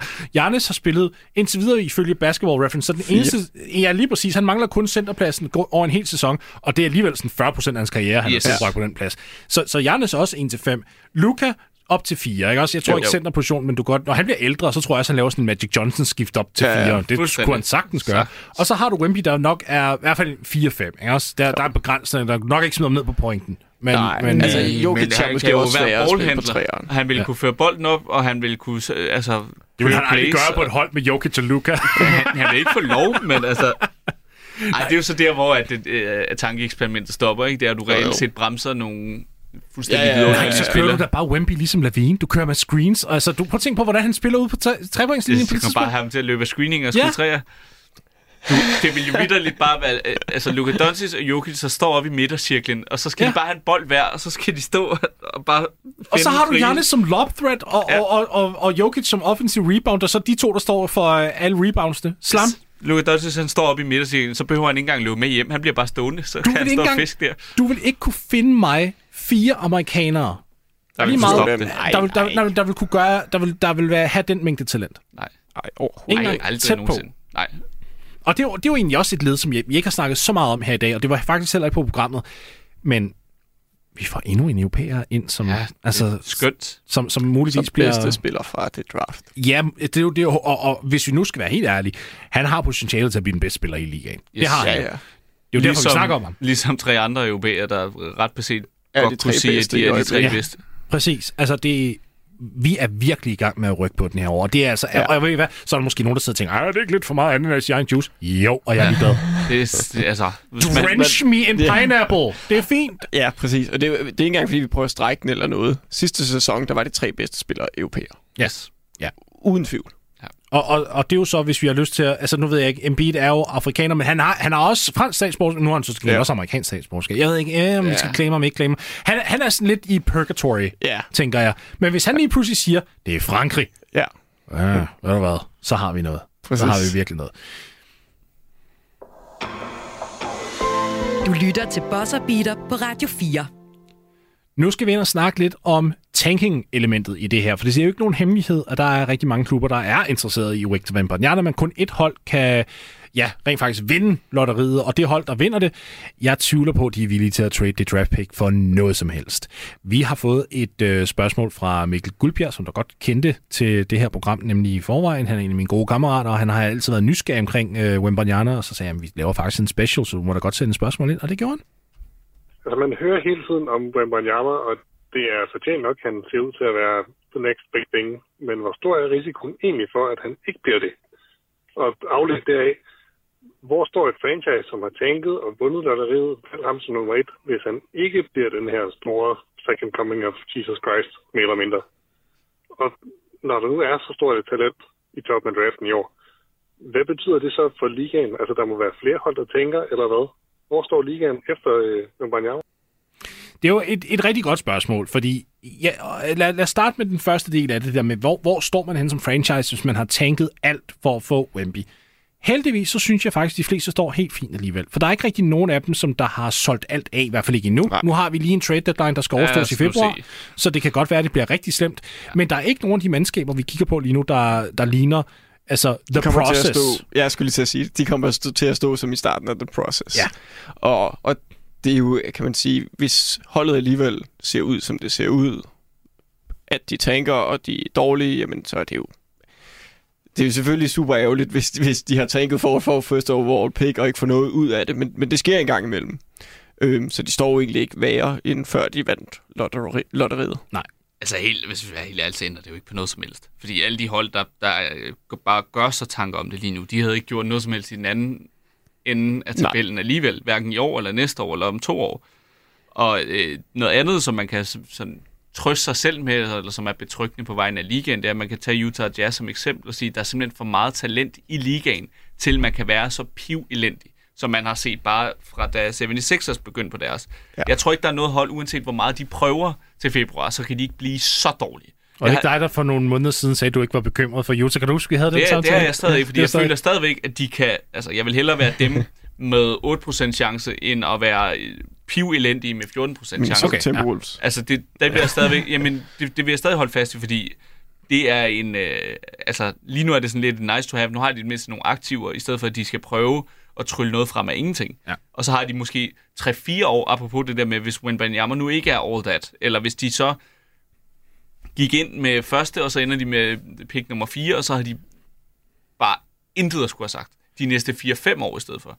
Så derfor vil jeg hellere være Utah, end jeg vil være et af de andre hold, som så ender med nummer 4, og så er helt på røven. Og samtidig skal man også sige, at det her draft, der kommer nu, det er heller ikke dårligt. Ej. Altså for uden Wembanyama. Uh, Scoot Henderson, som vi allerede har været inde på, du har en Armin Thompsons, Thompson, ja, og Cam Whitmore, ja, og du men har, altså, du har super, virkelig super. meget... Altså, Ja, præcis. Jeg tror, jeg tror, det er en meget god pointe, fordi der er så meget fokus på, hvor god nummer et er. Så er det ligesom om, at hvis du får nummer 5, så er det håbløst. Så, Ja, ja, så, så er det fuldstændig umuligt ringe. øh, og, og, ja, præcis. Det, det, det skal man lige huske. Det er stadig godt valg, man får det, det her draft, når jeg sidder og kigger på det, er Ser mindst dybt syv dybt. Altså når Ja, det kommer ja. til spillere, der kan blive Jeg, jeg er faktisk og- ude i 10. Altså, jeg, jeg, Ja. jeg, jeg tror, det kan blive rigtig, rigtig godt. Og jeg synes også, det er det, apropos det, man fremtiden for ligaen. Hver evig, de sidste 3-4 år, så bliver jeg ved med at sige, sådan, det bliver bedre og bedre Ja, for hvert år. ja. Og, og det, det, når jeg så kigger frem mod næste år, altså det gør det, det, bliver, det fortsætter sådan. Ja. Så det er også derfor, man skal ikke være så bekymret som dårlig hold lige nu, fordi lige nu, der ender du så bare nede i sådan, vi er lige ved at, altså generationsskiftet er ved at ske nu, og så er alle de rookies, der kommer ind, og som skal til at fylde ligaen ud, og som man så kan snakke om, er minimums, altså niveauet. Det bliver altså bare hævet for hver draftplads, Ja, der kommer ind. det gør det nemlig. Og det er også derfor, altså, jeg kan godt forstå Mikkels spørgsmål, fordi det, i sidste ende, så er det jo tvivl om, altså skader det her produktet i sidste ende? Er det ja. skader, altså ta- er tanking et problem? Det er jo faktisk ja. det, han spørger om. Og det, jeg vil sige, nogle år kan det være et problem. Præcis. I år, der har jeg bare Nej. ingen problemer med det. Og det sagde jeg endda, inden sæsonen startede. Jeg var bare sådan, ved du hvad, hvis du er en franchise, som der var, havde været vundet 40, 42 kampe året forinden, og du faktisk sagde, jeg sælger alt, fordi ja. jeg går efter Wemby. Ja, Go så for det fint. Ja. ja, men jeg synes også, spillet på banen på de hold, der tænker, har været bedre end andre år, hvor hold har tænket Ja. ja. bevidst. Jeg synes, Ja. ja. det er da så Øh, opløftende. Fordi og det er det med- sjovt, og det er unge spillere, der får lov at give den Præcis. gas og lave noget fedt. Det er ikke sådan et gammelmands tankinghold eller noget, som, øh, som 76ers lidt var, med Ja, det det var det. blandede bolcher og så videre. Det er stadig øh, underholdende hold, der jeg tænker. Og der er simpelthen ikke nogen, der har mange- traded for We- Westbrook endnu, som kan tank commander også. Nej, altså, præcis. Nej, men det, og jeg, jeg synes, man glemmer lidt, altså der er sådan lidt tunnelvision, når man går ind i de her diskussioner, fordi alle andre år er der jo også dårlige hold. Og de dårlige hold, de tænker hver evig eneste år. Så har, Ja. der, der er jo ikke noget den samme polemik, bare fordi der ikke var det der ubestridte, øh, den ubestridte spiller at tænke efter. De, de dårlige hold tænker jo hvert år. Ja. Og de dårlige hold, når man snakker produktet, der er jo ikke nogen, der så dem alligevel jo. Det er jo ikke det, der sådan skal sælge produktet, uanset hvad. Dem, der så vælger at se de dårlige hold, det er jo de lokalområder, dem, der er fans af de forskellige hold. Færdig arbejde. Altså, den er ikke længere. Altså, jeg vil være den første til at sige, at jeg har, i hvert fald gennem de sidste par uger, der har jeg set meget mindre af Chicago, fordi jeg håber bare, de taber. Ja. Det forstår jeg da godt. Ja. Og til gengæld, så kan man så sætte sig ned og nyde og se nogle af de hold, fordi som Daniel så godt siger, det er jo ikke de der trust the process-agtige hold, hvor vi sætter den absolut ringeste veteranhold sammen. Så er det jo deres unge spillere, og så er det måske... Du har set Killian Hayes lige pludselig, ikke? Som, mm. altså, nu nævnte vi ham tidligere. Et, var, havde Detroit været lidt bedre, eller var Wenbanyama måske ikke været inde i billedet, så var han nok ikke brudt igennem den her sæson, som han nu gør. Lige pludselig, så er der en eller anden hul til hans talent. Og ja, det var jo så også en skade til Kate Cunningham, ja. Desværre, der var ude resten af sæsonen. Ikke? Altså, Men det var så også en skade til Kylian Hayes i første omgang, der Ja. gjorde, at han måske aldrig selv fik chancen. Så der er hele tiden de der små historier, man kan glæde sig ved ved de her hold, der tænker, som netop er bygget op af unge spillere. Og man skal bare nyde at se dem, fordi gå, tag med på rejsen, fordi så sidder du nogle, tilbage om nogle år og tænker, Nå, ham der Kylian Hayes, der scorede, det var det samme med Anthony Simons, da han kom ind i ligaen for første gang, til 18 år, nej, han rammer, hvad var alt den hype for? Og lige pludselig, så brænder han banen af. Ja. Man, man skal være med, inden, de, øh, inden tog kører. lad, Præcis. os, lad os prøve at høre, hvad John Hollinger har at sige om tanking. it's it's interesting because I think there's a lot of teams that need to look at okay, can we get ourselves into the bottom seven or eight realistically, and, th- and then that's when you really feel like you have a uh, fighting chance. And there are there are several teams that that could pretty easily do that, especially with with one or two moves, or even without them. I mean, there's a couple teams that are trying to win and still kind of slipping backwards right now. I, th- I think you watch one of them very frequently. Tak, John. Mange tak. Den skulle han lige smide i hovedet på mig. Hvad er det en tak. fascinerende sætning. Jeg tror, det kan lykkes, hvis de virkelig prøver en 6-7 hold op Ja. ja. inde i bunden af top. Så jeg har aldrig hørt, har aldrig hørt sådan en sætning blive sammensat. Hvis de virkelig, altså hvis, Ja, hvis de sol, virkelig mål og stjerner hvad lige, så er der en god chance for, at de kan være rigtig dårlige. Men han, Altså, han, jeg kan godt lide, hvor ærlig John han også er her, for han, han, skrev, han skriver jo nu for The Athletic, ja. øh, og han skrev en artikel her for nylig, hvor han bare decideret gik ind og sagde, "Men prøv at høre, vi havde et, øh, et problem i Memphis i et stykke tid, og vi havde nogle skader, og vi kunne bare godt se, at vi kom ingen vegne, og vi havde da ingen antecedent til at vinde overhovedet. Så vi gik efter at tabe så meget, og så endte vi med John Morant. Men, men altså allerede nu kan du godt se, hvis du ikke kan vinde det mesterskab. Ja. Altså bare kom i gang. Ja. Altså, trade Ja. ja. lidt væk, uden at gøre det for meget, og holde fast og spille de unge spillere og udvikle dem, fordi Ja. som lotteriet er indrettet nu, så nytter det ikke noget at være 11 øh, at vinde 11 kampe, og så ligge i, Nej. i absolut bunden, og så få femte valget. Altså, Altså. Men altså, hvor mange tror I reelt set siger i år, vi kan vinde mesterskabet? 4, 5, 6 hold? Der, er- altså, der er to i øst, hvor jeg virkelig tænker, ja. Ja. altså, de kan. tre. Ja, måske. Måske. Det, Tre. og, og, og jamen, hvem er de nummer tre? Cleveland. Cleveland, ja. Jeg, jeg kunne også godt se, at hvis de har en rigtig god anden del af sæsonen, så tror jeg, at de er med på den. Nets er I stadig helt ude på. Ja, ja. Ja, det, ja og, og Philly er jeg også. Yes, lidt, altså. Ja, ja, jeg ser heller ikke, i Boston. Milwaukee, Cleveland. Ja, og jeg, jeg har stadigvæk Cleveland som altså en, en hvis det skal være Dem har det samme som Men, tredjeplads. men du tror ikke, de selv tænker, at de godt kan vinde mesterskabet? Og men hvis vi snakker Nej, nej, om, hvis nej, vi nej. udelukkende snakker om, hvem der Snakker om, selv... hvem vi ser kan vinde mesterskabet. det, det svaret er det samme for mig. Okay, så er du meget højere på Cleveland, øh, i hvert fald i år. Jeg, jeg tror, de er et år væk. Men Ja. jeg, jeg, kan jeg godt, tror, jeg de kan bliver godt en matchup mareridt for alle hold. Ja, det tror jeg også Box er i forvejen, og det tror jeg også Boston er i forvejen. yes. Men, men jeg kan godt følge din logik. Det er Ja. det hold, jeg vil smide ind på en tredjeplads, hvis det er, og jeg vil også Enig. smide dem hen over Philly lige nu, Ja. talt, det vil jeg. Det vil jeg også. Men, men hvis vi kigger på, altså hvem vi mener, der ligesom er derude, Hvem så er, det de, så er det de to i, i øst, og i, i vest, der er det et shit show. Undskyld, ja. altså det, er, det- jeg, det- jeg tror, det det er er Denver, der ender med at komme ud af det. Altså, Ja. måske. Altså, det kan også være, at det bliver Dallas. Altså, det var sådan, samme tidspunkt, sidste Nej. sæson, der kunne Nej. du også have meldt alle mulige hold Ja. ja. ud. Og så lige pludselig, så er der nogle hold, der bare... Denver Pelicans, Clippers. Clippers Ja, i slutspillet vil jeg være så bange for. Af, afhængig af, om Kawhi er rask. Det er der, Det er hvor jeg klart. ligesom... Jeg, jeg, øh, og jeg vil være den første til at sige, at jeg gik, jeg gik jo på crunch time, og jeg var sådan lidt, hvad fanden gør vi med Clippers? Altså, ja. fordi vi, jeg, jeg ved ikke, jeg, jeg stoler ikke på Kawhi lige nu. Nej. Og så havde så jeg forleden, så havde den der 31 points kamp, og det så godt ud. Han lukkede kampen ja. og vandt det hele, hvor man tænker, hvis det er den version, vi får, fedt nok, så skal jeg nok rulle alt det tilbage, jeg har sagt. Men, men der er ingen chance for om to uger, at han ikke lige misser 14 kampe i streg. Vi ved intet. Jeg tør ikke sige noget som helst, og øh, noget som helst om situationen i West. Øh, til februar, så vil jeg gerne forholde mig til det. Ja. Ja, Efter trade deadline. præcis. Det tror jeg også er Ikke vigtigt. et sekund før kommer jeg til at udtale mig, fordi Golden State sidder også med nogle unge spillere, de Men potentielt kan flippe at og se- se lige pludselig skræmmende ud jeg vil igen. på ingen måde afvise, at hold som Lakers, øh, Golden State, alle de der hold, man lige nu fuldstændig afskriver og tænker, der er ingen chance. At man lige pludselig sidder til februar og tænker, hvor- Tror du, der er en chance for, at Lakers kan blive mesterskabskandidater? Jeg vil, ikke, jeg vil ikke gå så langt og sige, at jeg har dem som mesterskabskandidater. Kan Men jeg siger, det? Jeg vil ikke afvise det. Okay. Og jeg føler, det er der spændet ligger lige nu i West, det er, der skal så lidt til. Og lige pludselig begynder hold at vinde, og man tænker, hvor kom det fra? Og hvor, før, før det tænker man, hvorfor er de så dårlige? Det giver heller ikke mening. Ja, jeg kan slet ikke blive klog på det. Så Okay. derfor gider jeg ikke rigtig forholde mig til, hvor mange af dem. Men der er, der er en pæn chat. Og, og, og lige for at gøre det klart for dem, der sidder lidt med, hvorfor vi snakker om det, det er jo i sidste ende, fordi der er ikke særlig mange, som man, man ved ligesom har en chance for, for mesterskabet. Og derfor så er det også fair nok, at der er nogle klubber derude, der går ud og så siger, hey, ved I hvad? Det giver ikke mening for os. Vi, vi kan da tage San Antonio, som de nu er dybt i kampen om Wembanyama. Ja. De havde Deontay Murray sidste sæson. De var et, et bubble team, som man kalder det. Altså, det er sådan en, en klub, der godt kunne have gået ind og vundet en playoff-serie og kommet til anden runde, og så ville være Ja. slået der. Men de havde aldrig mesterskabspotentialet med den roster, som de Nej. så havde. Fair nok. En af grundene til, at de så heller ikke beholdte Deontay Murray, det er så på grund af de der forlængelsesregler, Yes. regler, som jeg har snakket om på programmet før, hvor at, at en spiller begrænses til at kunne tjene 120% af tidligere øh, ja. sæson. Og det giver ikke mening, fordi de kan tjene mere på det åbne marked. Det er en kæmpe, kæmpe fejl, og det er noget, der skal rettes. Men de valgte at sige, vi har ikke interesse i at være det der 8. seed, der kommer ind og så får måske en enkelt playoff-sejr. Nej, vi vil hellere prøve at gøre noget større. Det, det er ambitioner.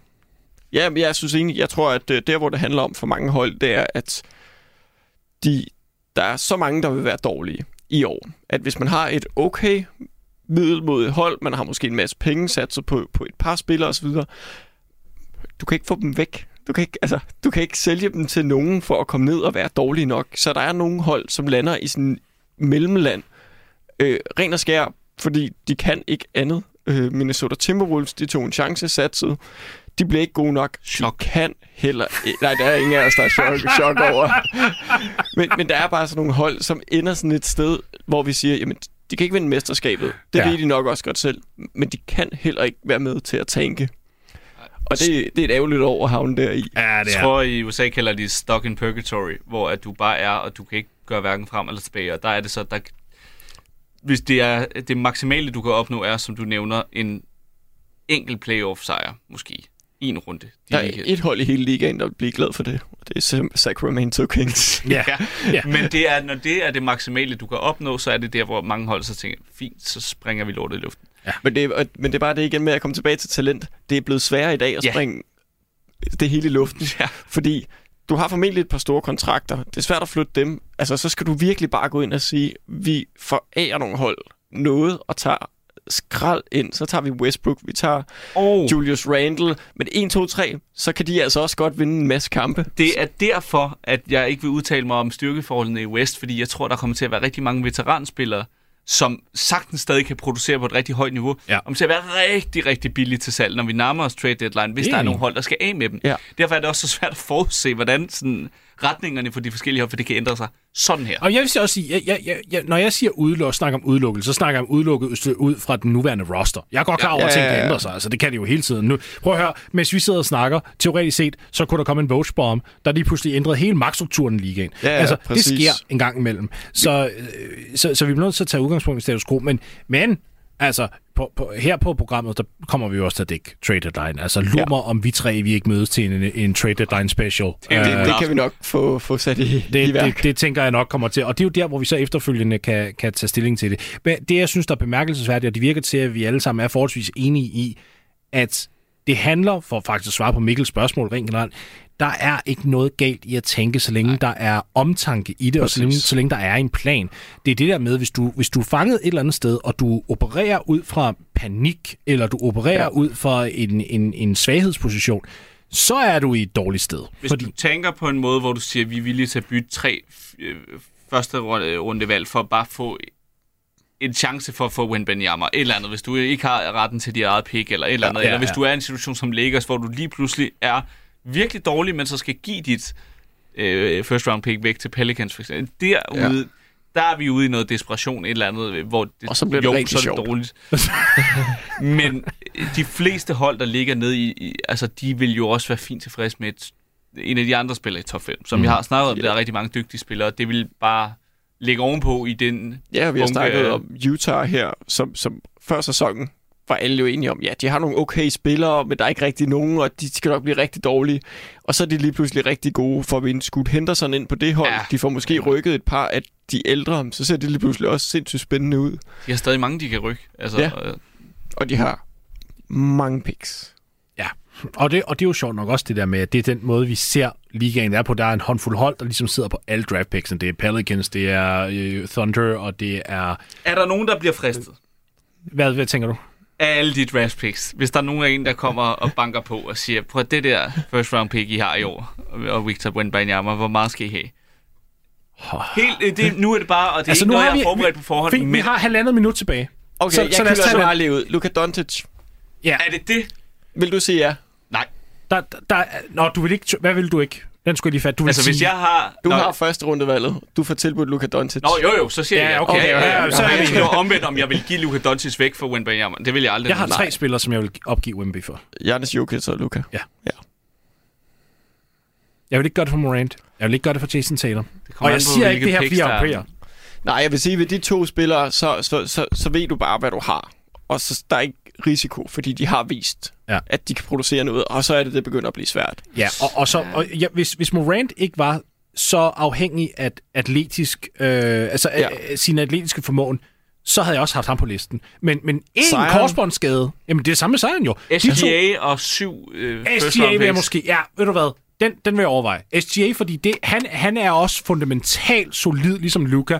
Men igen, det er godt, du kommer ind og siger picks, for han, så skal jeg fandme have en Ja, crapload af picks men hvis vi bare siger spiller for spiller, så SGA er jo ikke en fremtidig Nej. MVP.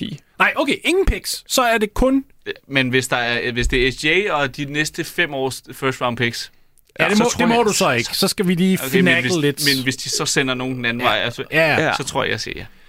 Det, det, jeg, Det jeg kommer, også sige... det kommer til at fortryde, at jeg har sagt det her. Men Nej, det er ikke nødvendigvis, men den, den kan jeg godt se logikken i. Ja. Det var Bosson, og uh, tusind tak, Jonas Skåning, Daniel Hægt, for at uh, ja, tage, tage mig med også på den her store Victor Wembanyama special julerejse, som vi er ude på. Og til jer derude, som har lyttet med, jeg håber, I har haft en, en rigtig fortræffelig juleaften, og uh, at I får et godt og sikkert uh, nytår. Og så tales vi ved derude, og godt nytår til jer også to, mine herrer. Tak, tak i lige måde, Morten. Du lytter til Bosser Beater på Radio 4.